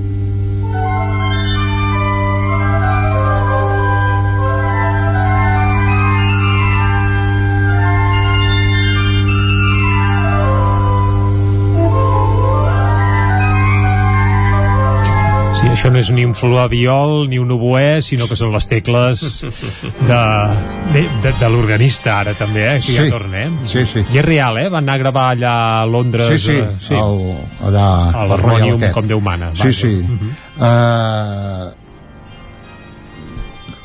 i, i això triomfava molt, eh? L'any a l'any 1970... Perquè era trencador. vull dir, el- Home, els- revolucionari ho era. Sí, Sí, sí. els concerts eh, eren multitudinaris, boníssims. Eh, el grup va durar tota la dècada dels 70, però als anys 80 eh, van mig desaparèixer. Bueno, no, mig no, no, no van gravar res, ni existien, en teoria. I els 90 doncs, van tornar intermitents, sortien, treien un disc, feien algun concert, algun disc bo, feien, exactament, i bueno, fins al 2016 que ara aquí sempre quan parlem de música rock de, de, pionera doncs venen a les necrològiques eh, l'Emerson tenia una, va pat- patir una malaltia nerviosa que l'impedia l'impedia tocar Mhm. els dits, els, li va afectar els dits i un dia es va tirar un tret al cap es va suïcidar Carai. del març del 2016 i al cap de 9 mesos moria de càncer el, el més discret eh, Greg Lake. Per tant només queda en Palmer. En Palmer no l'ha palmat, encara, Encara no palmat. és, molt, és molt dolent, eh? però bueno hem de posar hem de posar acudits aquí. Uh, a mi el, vull dir, jo me'n recordo tenia 19 anys i m'ent- m'entusiasmaven l'Emerson Lake en Palmer però, però moltíssim. Uh, al cap de, de molts anys doncs vaig pensar, uh, els escoltava i pensava són uns pesats són uns pesats Això el rock progressiu hi té, eh? Passes èpoques i a vegades penses, ostres, però ostres. des de fa un parell d'anys que els torno a posar i dic tu, però està bé I tant, Està clar bé. que sí. Fora prejudicis, Sí, sí. fora manies, i escolta, virtuts n'hi ha tot arreu, i més en aquestes obres d'art que perpetraven, vaja, els Emerson, Lake and Palmer, eh? I més en aquells temps que els òrgans sinfònics que podíem trobar en temples religiosos o en alguns Mm. escenaris musicals, evidentment no eren per tocar aquest tipus de cançons. No, no, no, no. I, bueno, ara per, per acomiadar-nos, la meva cançó preferida del disc, perquè a cada disc, per dissimular, hi havia una balada composta, eh, que componia sempre el Greg Lake, i la cantava ell, i, i a més a més, el treien en single i tenia èxit.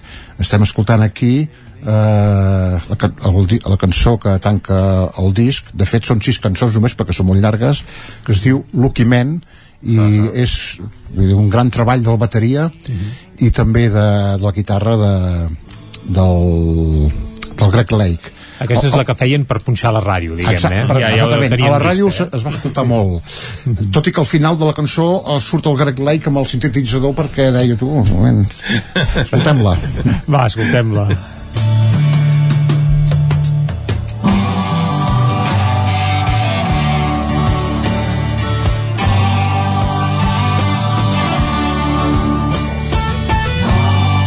Jaume, marxarem amb aquesta cançó, però ens hem de dir adéu ja, eh? Molt bé.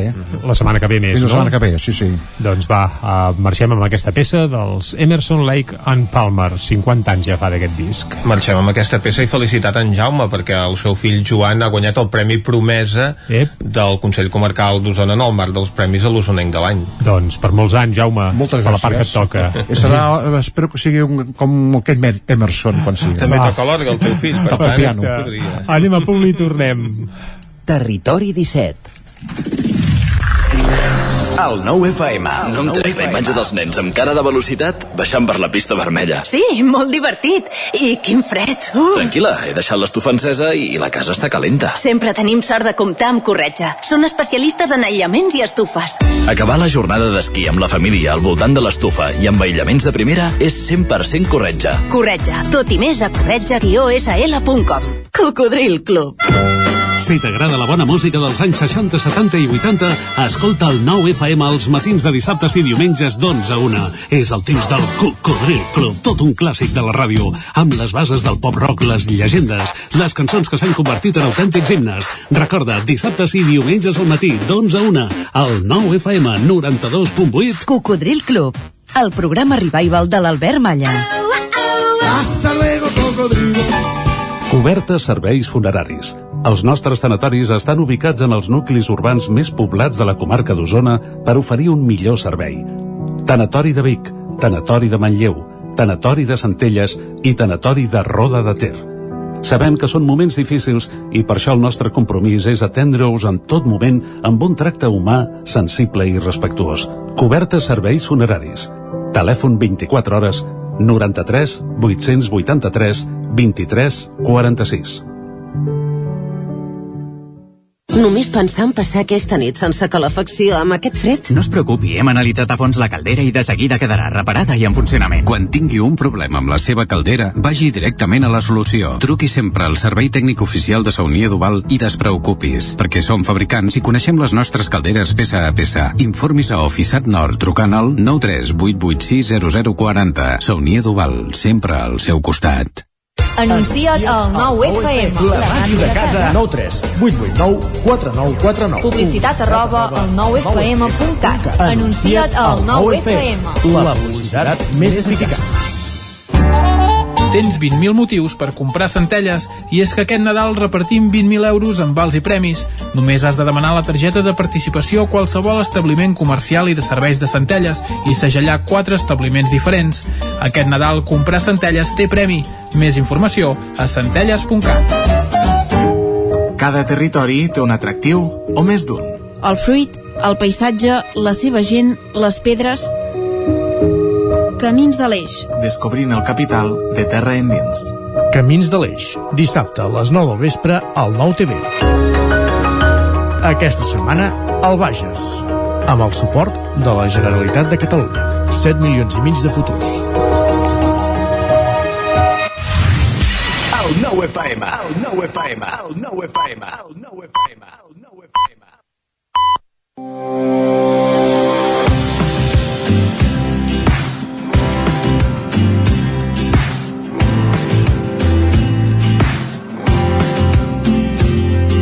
Avui és l'últim dia que parlem del Vallès Occidental i no ens podem acomiadar d'aquesta comarca sense parlar de la capital de comarca. B. La capital o capitals, perquè avui parlem de Sabadell i Terrassa, les dues capitals de la comarca.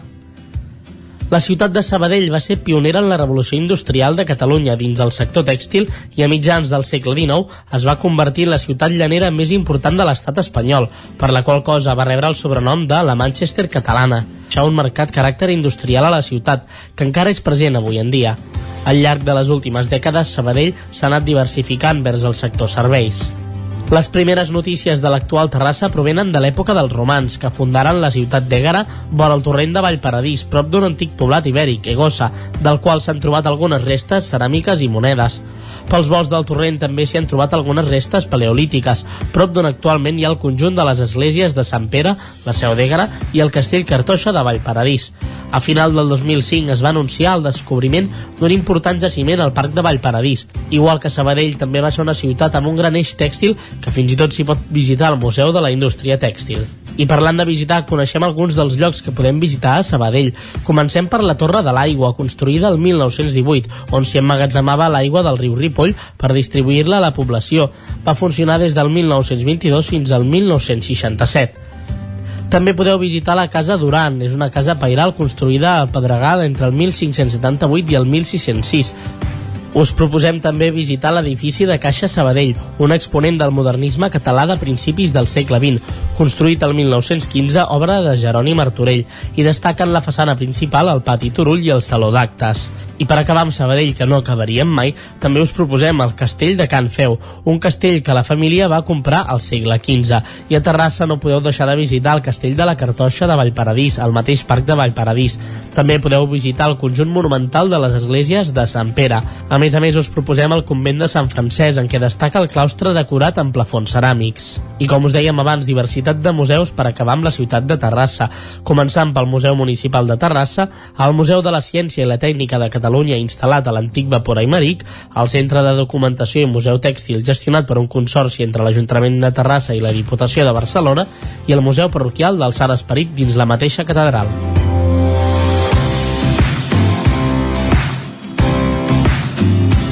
Territori 17. Doncs quanta feina que podem fer a Terrassa i a Sabadell. Uh, bé, dues capitals per una comarca, un cas gairebé, suposem que únic al món. On no hi ha dues vies és a la R3, n'hi ha una i prou. I com sempre, ens hi capbussem a la Trenc d'Alba. A Tren d'Alba. Cada dia els usuaris de la línia R3 de Rodalies que veuen sortir el sol des d'un vagó ens expliquen les gràcies i les penes del primer comboi que uneix Ripoll i Barcelona. Benvinguts a Tren d'Alba. Avui us explicarem un parell de queixes d'usuaris de la línia R3 que han estat amplificades gràcies a la plataforma perquè no ens fotin el tren i que avui repetirem un cop més, a veure si això arriba a algun lloc i ho podem solucionar d'una vegada per totes. L'altre dia un usuari recordava que l'R3 té 161 quilòmetres i 35 estacions i que el viatge entre l'Hospitalet de Llobregat i Ripoll dura més de dues hores. Doncs bé, aquest usuari va alçar la veu perquè li va tocar fer el trajecte en un tren curt, ideal per contagiar-se en temps de coronavirus per la impossibilitat de respectar la distància de seguretat entre la resta d'usuaris i a sobre amb seients durs, una comunitat inexistent que destrossa l'esquena del més musculat. I una altra crítica que és recurrent i és que l'altre dia, a les 6 de la tarda, a l'estació de Centelles, el tren que circula cap a l'Hospitalet anava sense megafonia. Per tant, els viatgers no sabien a quina estació arribaven si és que no ho llegien. Però hem de recordar que hi ha gent que agafa el tren, com dos dels nostres antics cronistes, que eren secs i, per tant, necessiten que la megafonia funcioni. Pregarem una mica per veure si es produeix un miracle i s'arregla tot el que no funciona a l'R3. Va, ens retrobem dilluns i recordeu que ja portem un retard acumulat de 6 hores i 9 minuts des de l'inici d'aquest mes de setembre. Territori 17. Uf, si s'ha d'arreglar pregant, em sembla que ho tenim clar a la R3, eh? Bé, però potser és l'única manera, perquè fins ara no s'ha arreglat de cap altra. bé, doncs bé, fa, gràcia, doncs... fa gràcia sentir com destacats eh, dirigents del Partit Socialista defensen doncs, que cal invertir i desdoblar la línia, després quan és l'hora i quan governa aquest mateix partit, la veritat és que no fan res, i dic aquest partit, com podríem dir el Partit Popular, però són els dos que han governat a l'estat espanyol i que tenen, per tant, responsabilitat sobre aquesta línia.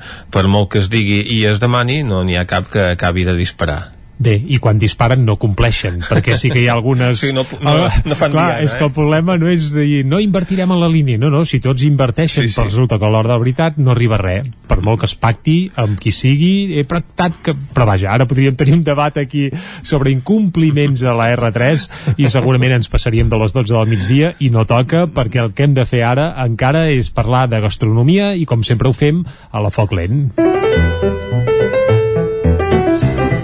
I a la Foc Lent d'avui, Vicenç, anem cap a Ràdio Cardedeu, oi? I tant que sí, perquè allà ens espera la Maria López. Bon dia, Maria. Bon dia. Bon dia des de Cardedeu. Ja és divendres, i els divendres a aquesta hora arriben les bones olors gastronòmiques que ens avisen que s'apropa el cap de setmana. I avui us porto una olor ben dolceta, olor a xocolata. Però a més us porto xocolata amb caire De- social. Segur que us esteu preguntant què té a veure una cosa amb l'altra, però la resposta no us la donaré jo, sinó que ho farà en Josep Teixidor, el bomboner per excel·lència de Cardedeu i reposter al capdavant del Xocalà. Bon dia, Josep, com estàs? Hola, bon dia, molt bé. D'entrada et deixo la responsabilitat d'explicar als nostres oients quin tret social i diferencial té el Xocalà. Hm. Bé, eh, Xocala neix de- d'una associació, que és l'associació Hi Som, que la idea és un grup de gent que ens vam ajuntar aquí a Cardedeu i la idea era promoure la, la normalització de les persones amb, amb discapacitat. Eh, eh, per fer-ho, eh, l'associació té diferents projectes, eh, fem una passejada inclusiva eh, que la idea és barrejar gent del poble o de fora amb, amb les persones amb discapacitat. Hem fet un grup de lectura també a la biblioteca i llavors també organitzem eh, taules rodones per, per això, sobretot eh, parlar el tema de la normalització de les persones amb discapacitat, no? la, la famosa inclusió. Eh, el projecte que jo m'encarrego dins de l'associació és l'obrador de xocolata, que va néixer fa 4 anys, i bueno, la idea és això, que puguin participar el màxim de persones possibles de- d'aprenentatge, de, de pràctiques i de, i, de, i de treballar, de gent amb nòmines amb, amb certificat de discapacitat. D'una banda, tots els treballadors que tenim a Xocala són, són treballadors amb discapacitat, però a banda feu tallers també, oi? Sí, la manera de funcionar és això, no? Tenim eh, treballadors amb nòmina, tenia, eh, quan el Covid ho permetia, teníem cinc associacions, eh, els usuaris dels quals venien en grups de 5-6 persones un cop o, un cop o dos a la setmana eh, a participar de la, de la producció. Sobretot tenen nanos que tenen graus de discapacitat més alts i que bueno, necessitaven d'ajuda de monitors i, i de la meva ajuda i, i amb ajuda i amb, i amb, i amb cooperació pues, eh, traiem els productes endavant. Això ara de moment ho tenim aturat pel tema Covid, però aviam si a partir del gener, febrer ja, ja ho podem tornar a reprendre. A part, també fem tallers per empreses, per, per festes d'aniversari, per grups, eh, en els quals es treballa la, la xocolata i, i eh, els productes de xocolata que es fan la gent se'ls emporta a casa i aquí també hi treballem la inclusió perquè llavors eh, intentem que algun dels nanos que ve a fer tallers vingui a fer d'ajudant, no? Llavors la idea és també mm. tornar a barrejar persones que no tenen discapacitat amb persones que tenen discapacitat. Una mica la idea és que la gent perdi la por o, o aquesta, ho conegui perquè quan coneixes les persones que tenen alguna discapacitat pues, veus que, que no tenen cap problema i que són molt macos i que aporten altres qualitats que, que, que la gent no, no coneixem a part per una persona que ve d'alguna manera que ja coneix, perquè està habitualment amb vosaltres, eh, com, fer el, com treballar amb la xocolata, venir un dia i fer d'alguna manera de liderar d'alguna manera un taller o fer d'ajudant, suposo que, que a nivell d'autoestima i, i emocionalment eh, deu tenir molt bons resultats, no? Sí, eh, la xocolata té una cosa molt bona, que és que és molt immediat. A part de la xocolata o sigui, de. De, Sí, sí, però, no, sí, però el, el fet de... O sigui, la xocolata és, és com una eina, no? Per, per això, no? Per potenciar l'autoestima, per, per, per veure que són capaços de fer coses.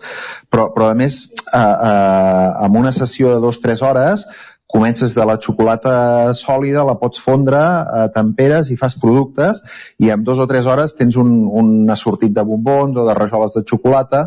Vull dir que ells veuen que la seva feina, al, al moment al moment té uns resultats i que això es, podrà, es pot vendre. Uh, ara que parles de venda, eh, vosaltres a més a més distribuïu a diferents llocs, oi? O sigui, que sí, no són productes uh... que es queden només allà perquè ha vingut a fer el taller, sinó que es distribueixen comercialment. No, no, no. Sí, aviam, en el mateix obrador fem, fem venda de productes, vull dir que ja la gent de Cardeu que ja ho coneix ja, ja van agafant l'hàbit de venir a comprar. Llavors tenim, fem postres per diferents restaurants, eh, tenim dos o tres pastisseries que ens compren producte eh, i què més? Eh, bueno, i hi ha Cal Romesco de Barcelona bueno, diferents botigues d'alimentació i això que, que, bueno, que van distribuint els nostres productes. I mica a mica anem ampliant el, el, els punts de venda. Uh, estem participant també en una, en una agrupació d'empreses de, que treballen amb persones amb discapacitat, que es diu el grup Créixer, que sobretot ens hem ajuntat pel, pel tema del Nadal, dels lots de Nadal, i, i bueno, som 14 empreses de Catalunya, hi ha l'associació Alba, hi ha la Fundació Empams, hi ha la Fundació MAP de Ripoll, hi ha Sant Tomàs, bueno, un grup d'empreses i, i per fer els lots, eh, com que nosaltres estem amb xocolata, pues, eh, eh, els hi distribuïm, nosaltres també els hi comprem productes a ells, però sobretot eh, compren molts productes, molts torrons per ara aquesta època i, i bueno, eh, aquesta època ens està funcionant molt bé ara. Eh, on es poden adquirir aquests lots dels que ens parlaves, que d'alguna manera fèiem, us havíeu ajuntat diferents associacions? Si qualsevol empresa que ens estigui escoltant ara mateix digués jo vull, eh, vull encarregar aquest any els lots eh, d'alguna manera amb aquest projecte, com ho pot fer? Vale, aquest any hem, hem inaugurat una web nova que es diu Lots Créixer, Lots Socials Créixer, em sembla, o Lots Créixer, o, em sembla que és lotssocialscréixer.com, que allà hi ha el plano de totes les entitats i eh, amb els enllaços de totes les empreses o, o directament posant-se en contacte amb nosaltres, eh, també és l'opció. Però bueno, sí que hem fet una web on és molt xulo perquè es veu totes les entitats estan distribuïdes per tot el territori i, i bueno, que l'entitat que tens més propera és la que es pot encarregar de, de fer els lots. Uh, sobre els tallers que parlàvem abans, que deies que venien tant famílies com empreses, una mica, si jo, per exemple, dic amb la meva família, escolta, ens anem a fer un, un taller de xocolata, què, què podríem fer allà? Podem escollir o hi ha com una, hi ha uns models tancats de què podríem fer i com funciona un taller d'aquests? Bueno, sempre ho parlem amb, amb la persona que encarrega el taller, ho parlem i depèn també de, de l'edat dels participants. Eh, és molt maco, per exemple, els, taller, eh, els tallers quan és pares i fills, no? Eh, hi ha poques activitats que puguin fer els pares i els fills junts, no? bueno, eh, parlo amb, el, amb la gent, segons el grup que és, pues, eh, fem un tipus de producte o, o un altre, no?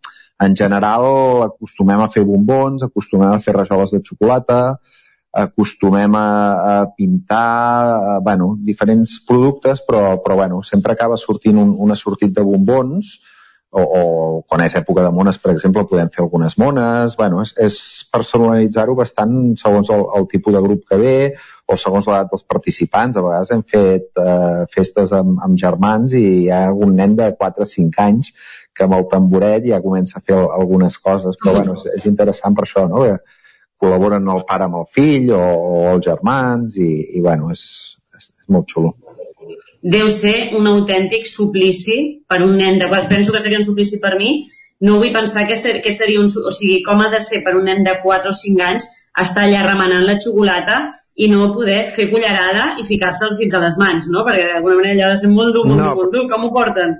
No, però això ja, ja ho, tinc, ho tinc preparat. Comencem ja, primer de tot fem una petita introducció amb un vídeo d'una plantació de xocolata perquè sàpiguen, eh, la gent sàpiga ben bé d'on surt i dels climes tropicals i, i tot això, no? I si són més adults parlem més tècnicament del, de lo que és la xocolata i les xocolates amb llet i, i tot això Uh, si són més nens, uh, pues no parlem tan tècnicament, però expliquem això, la blanca, la negra i la llet.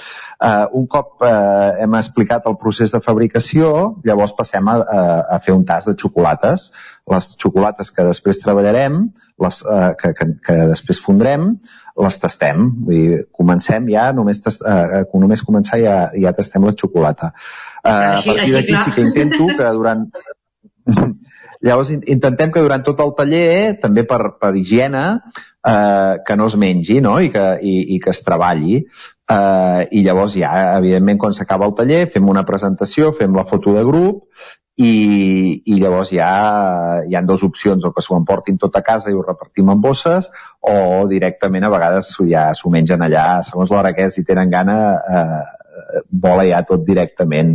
El que fem a vegades també quan és festa d'aniversari és eh, fer una placa amb el nom, el, el que fa l'aniversari, s'escriu el seu nom, fem unes espelmes amb xocolata i al final de tot bufem les espelmes, cantem la cançó. Bueno, és una mica de, de, de fer una activitat diferent eh, manipulativa i que i, i bueno, hi ha molt, els nanos estan pujant amb ganes d'aprendre a fer coses de, de cuina i, i tot això. Bueno, i és, és, jo... bueno, és enriquidor i està molt bé.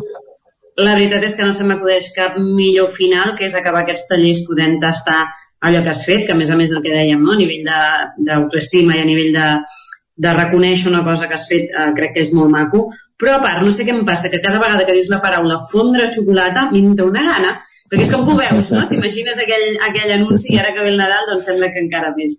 Uh, Josep, moltíssimes gràcies per, per atendre'ns avui, per explicar-nos una miqueta més aquest projecte tan maco i tan interessant que, que fa anys que, que empenys amb, amb tot el grup d'Isom i, i de veritat moltíssimes gràcies per explicar-nos una miqueta més en quin punt esteu ara amb tot aquest projecte. Bueno, moltes gràcies a vosaltres. Uh, uh, bueno, de, uh, seguint no, amb el que deia, no? que a, a la xocolata la gent es pensa que és molt complicada de fer servir i realment és tenir en compte quatre coses de temperatures i, i a partir d'aquí és, és tot molt senzill i molt fàcil i animo la gent que, que ho provi i que, i que faci xocolata i, i que ens vingui a conèixer. Moltes gràcies. Jo crec que ho vindré, ho vindré a provar al taller, que si no, no m'atreveixo a fer jo això a casa. Molt bé, moltes gràcies. Moltes gràcies, Josep.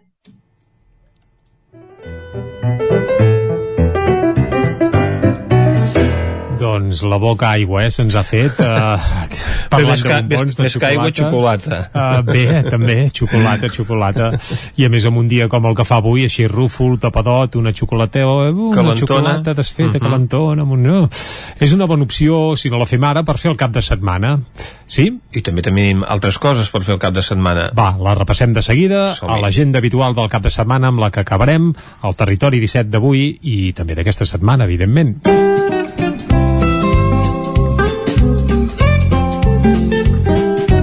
El repàs a les activitats del cap de setmana el comencem per on, Vicenç? El comencem per Ràdio Cardedeu, tornem doncs a Cardedeu, allà no ens espera la Maria ara amb la seva xocolata, sinó oh. l'Òscar Muñoz amb les seves propostes. Bon dia, Òscar. Molt bones. Les nostres propostes a part de menjar xocolata... Anar a fer xocolata desfeta, exacte, sí. el bomboner de Cardedeu, això és una molt bona opció, però ens en portes més, eh? Tenim, tenim, tenim. Uh mhm. -huh. Repassem ja avui divendres, tenim el, el Romeu i Julieta Granollers a càrrec de l'Elephant in the Box in the Black Box. Uh -huh. L'espectacle que comença a dos quarts de vuit a l'Auditori de Granollers i això, recordem que si podeu anar una, una hora abans us explicaran més o menys com l'espectacle i una hora després es comentarà la, la funció. Uh -huh. També a Granollers tenim, retornem al, al 48è cicle de jazz, uh, avui tenim el Martí Serra Quartet al Casino de Granollers bona notícia pels els amants del jazz, que ja tornem a això. I, tant. I a les 9 tenim concert a l'espai d'equipament de, juvenil de Granollers, a la plaça de l'Església, Mm. amb el concert de CESC.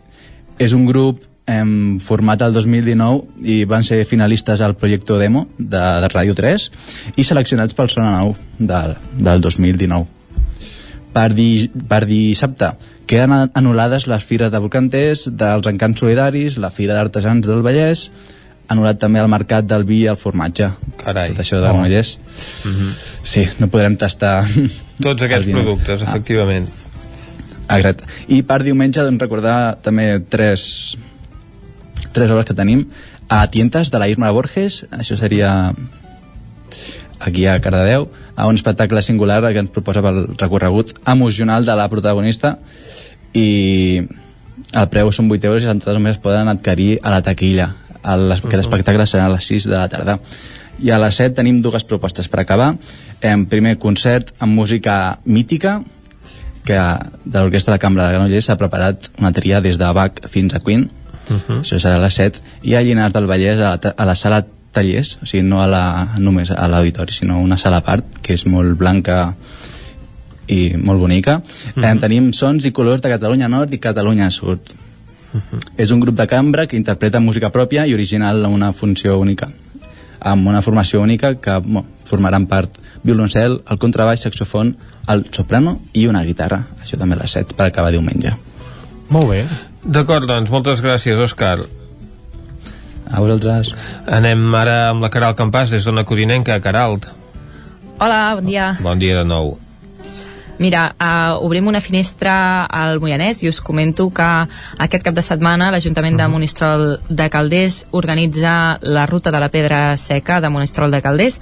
Aquest serà aquest dissabte uh, de 9 a 1 i també uh, no deixem el Moianès perquè ja dimecres us comentava que a Castellcí tenen la festa major d'hivern amb Ahà. una exposició, la cridada del bosc però dins d'aquesta agenda mm, d'oci de cap de setmana uh, us puc afegir que dissabte a les 12 a la plaça de l'Era de Castellcí hi ha ballada de gegants i diumenge uh, hi ha missa i cantada dels goig de Sant Andreu i al migdia arrossada popular per endur uh, comenten que cal portar el recipient de casa per agafar l'arròs i els tiquets tenen un preu de 4 euros també uh, apunten que la rossada es podrà compartir entre cometes de manera virtual perquè a tothom se li fa facilitarà un link a través del qual es podrà veure una actuació eh, musical.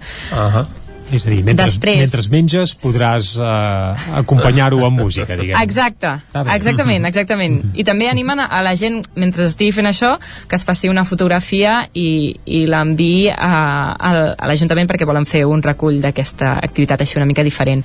Um, després us comento uh, dues ac mm, activitats que entrarien més, més dins de l'agenda cultural però s'han anunciat molt recentment i és que a Sant Quirze de Safaja fan un cicle de teatre i eh, comença aquest diumenge amb una primera obra al Centre Cívic de Sant Quirze de Safaja, diumenge a les 6 de la tarda, una obra del grup de teatre de Xalles 81 de Sant Feliu de Codines que porta per nom Playoff eh, i és de Marta Butxaca. Mhm. Després, l'altra activitat també cultural però que us comento eh, és eh, aquest diumenge, ja marxem del Moianès i anem cap a cap a Caldes de Montbui, aquest diumenge a la plaça del Molí de l'Esclop eh, hi haurà un concert de blues de l'ex-Ayat Banfit de Steven Stewart i eh, bé, aquesta proposta l'ha organitzat l'Ateneu Democràtic i les entrades es poden comprar anticipadament a través del web a caldescultura.cat i acabo aquest repàs d'activitats comentant un concurs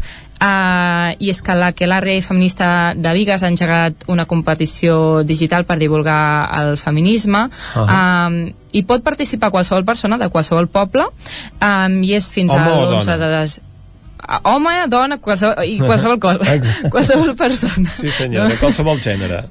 Exacte. Uh -huh. uh, fins a l'11 de desembre. Uh, el que sí que el requisit és que cal tenir més de 16 anys uh -huh. i s'ha d'enviar un correu al punt arroba vigasirrells.cat al punt arroba vigasirrells.cat indicant nom, cognom, municipi de residència, DNI i l'arroba l'usuari de Facebook o Instagram perquè um, puguin repassar si s'han respost totes les preguntes. El concurs es farà entre tota la gent que respongui les preguntes que van llançant diàriament a través de les xarxes socials de, de la Quelarre feminista de Vigas i Riells que l'usuari és aquelarre barra baixa feminista barra baixa B alta i R, BIR. Aquelarre Mhm. barra baixa feminista barra baixa BIR. I bé, són preguntes que no són de, de respondre les veu malament, sinó que són de recomanacions, recomanar un llibre o, o coses així. Uh -huh. Molt bé, doncs moltes A vosat- gràcies, Caral. A vosaltres. Ara anem a la veu de Sant Joan, on ens espera de nou l'Isaac Muntades. Isaac, bon dia. Bon dia, bon dia Vicenç, bon dia Jordi. Bon dia, bon dia. Què tal? Plou, eh? Aquí a Sant Joan o què? Sí, plou una miqueta, eh? El cel està tapadet i, mm. i fins i tot en alguns llocs em comenten que fins i tot neva, eh? Ah, Cap sí? a la zona de... Sí, que cauen algunes volves, no sé si serà rufa, però, però sí. Uh, no és un cap de setmana mm, Vaja, no molt ideal fer per fer vol. coses. Sí, bé, almenys No. no. a l'aire lliure sembla que no gaire. Sí, Però ja ens ha dit el correcte. Pep que diumenge s'aixecarà el sol, eh? I que a partir dels 2.000 metres nevarà. Ah, exacte. Perfecte. Mhm. Però Doncs potser si ho fa neva, més mi- avall ja, eh? Perquè si l'Isaac diu que ja s'ha vist nevar... però vaja, això ja, ja ho estudiarem dilluns. Aviam una, Ho estudiarem, ho estudiarem. Sí, sí. Però bé, si neva, en tot cas ens quedarà un, un Nadal bonic, si més no, i eh, aprofitant que s'acosten les festes de Nadal aquest any, per, per la campanya de Nadal que fa ca, cada any que organitza l'Ajuntament de Ripoll i la Unió de Botiguers i diverses entitats socials del municipi, doncs han creat una targeta comercial que s'activarà a inicis d'aquest mes de setembre, a partir de, de la setmana que ve fins al 7 de gener, i les persones que vulguin aquesta targeta, que es diu per Nadal comprar Ripoll de Premi, podran obtenir-ne doncs, a diversos llocs de, del municipi, i aquestes targetes es podran fer servir en aquells establiments adherits a la campanya on per cada 10 euros de compra eh, els segellaran una casella doncs, i en arribar als 100 euros i havent consumit a un mínim de 3 comerços doncs es retornarà a llocs on s'hagi eh, recollit i vas canviant-la per un val de 20 euros que es podrà gastar doncs, en els mateixos comerços que, que hi participin. I per què us explico això? Doncs perquè vinculat a això, la campanya de Nadal també tindrà de protagonista el caganer, que formarà part d'una gincama amb 8 proves relacionades amb, amb Ripoll i s'entregarà un fulletó als infants de les, uh, de les escoles i també doncs, uh, als diferents espais públics de la vila i, i s'hauran de buscar doncs, uh, com si es tractés d'un pessebre aquests uh, 10 caganers en els aparadors de, dels establiments comercials de la vila no? per tant, uh -huh. uh, aprofitant que es té el val doncs es pot uh, fer aquesta busca doncs, de, uh, d'aquesta recerca de, del caganer per als diversos aparadors per tant és una bona activitat ja que no tindrem les tradicionals uh, fires, doncs almenys que hi hagi una mica de d'esperit nadalenc i també de, del pessebre, no? I quan estigui complet, quan s'hagi trobat tots aquests caganers, es podrà entregar al museu eh, etnogràfic i es podrà fer una visita inclosa que inclourà doncs, el famós pessebre monumental eh, de, de Ripoll, que sempre es pot veure al museu etnogràfic, que sabeu que hi ha monuments de- d'arreu de, de la comarca del Ripollès, d'edificis emblemàtics, per exemple, com per exemple el monestir de Ripoll, eh, entre molts altres, eh, i on posteriorment doncs, eh, se sortejarà un lot de, de productes locals i també un Playmobil. Molt I... Sí, sí, anem per acabar. Sí, anem per acabar. Una última activitat, eh, el Cassations, que comença a Camprodon aquest 28 de novembre i s'allargarà fins al 20 de desembre. Eh, Proposa doncs, a la gent trobar un tio de Nadal en els diversos espais del municipi, sempre amb l'ajuda d'un mapa i les coordenades eh, GPS. Molt bé, doncs moltes gràcies Isaac, aclarim que està nevant a Vallter 2000 al santuari de Núria encara no, però a la part alta sí i ara el que fem és anar a parlar amb en Miquel R a veure què ens proposa des de la comarca d'Osona, Miquel Bon dia, Miquel. Molt bones, bon dia. Tenim molt parat pel que fa així, com tenim la, la, la represa de les activitats culturals de mica en mica, el que és l'activitat purament festiva i final, que tenim molt parada, molt parada. Recordem que dilluns és Sant Andreu, eh, haguéssim hagut de viure festes majors, per exemple, a Gurb o a Oristà, eh, s'ha hagut d'anul·lar pràcticament tot, hi ha algun tema molt simbòlic, i com a proposta concreta, si voleu, diumenge a la tarda, això com hi ha la- l'anomenada gresca torellonenca, uh -huh. l'audició de sardanes clàssica de, de la tardor, protagonitzada per la Copla, per la Copla Canigó. Per tant, uh -huh. és l'única l'únic acte que us puc aportar per, per aquest cap de setmana. Efectivament, perquè no tenim eh, activitats tradicionals com la Fira de la Bet, que ara ens parlaries eh, amb un any normal i corrent, estaríem parlant d'aquesta Fira tradicional de Nadal i d'altres també que es preparen, però ara mateix no és possible, Miquel. Moltes gràcies, doncs, amb en Miquel R. Tanquem aquest repàs a les activitats del cap de setmana. Tanquem també setmana al Territori 17. I toca acomiadar-nos. Ens acomiadem els que hem fet al Territori 17 d'avui. Clàudia Dinarès, Caral Campàs, Isaac Muntades, David Auladell, Pepa Costa, Isaac Moreno, Txell Vilamala, Jordi Vilarrodà, Òscar Muñoz, Jaume Espuny, Maria López, Jordi Sunyer i Vicenç Vigues. Nosaltres tornarem dilluns, com sempre, des de les 9 i fins a les 12. Bon cap de setmana. Adeu. Adeu.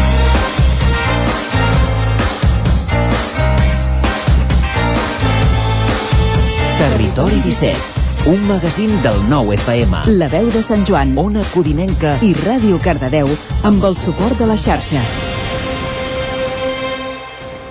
el nou FM.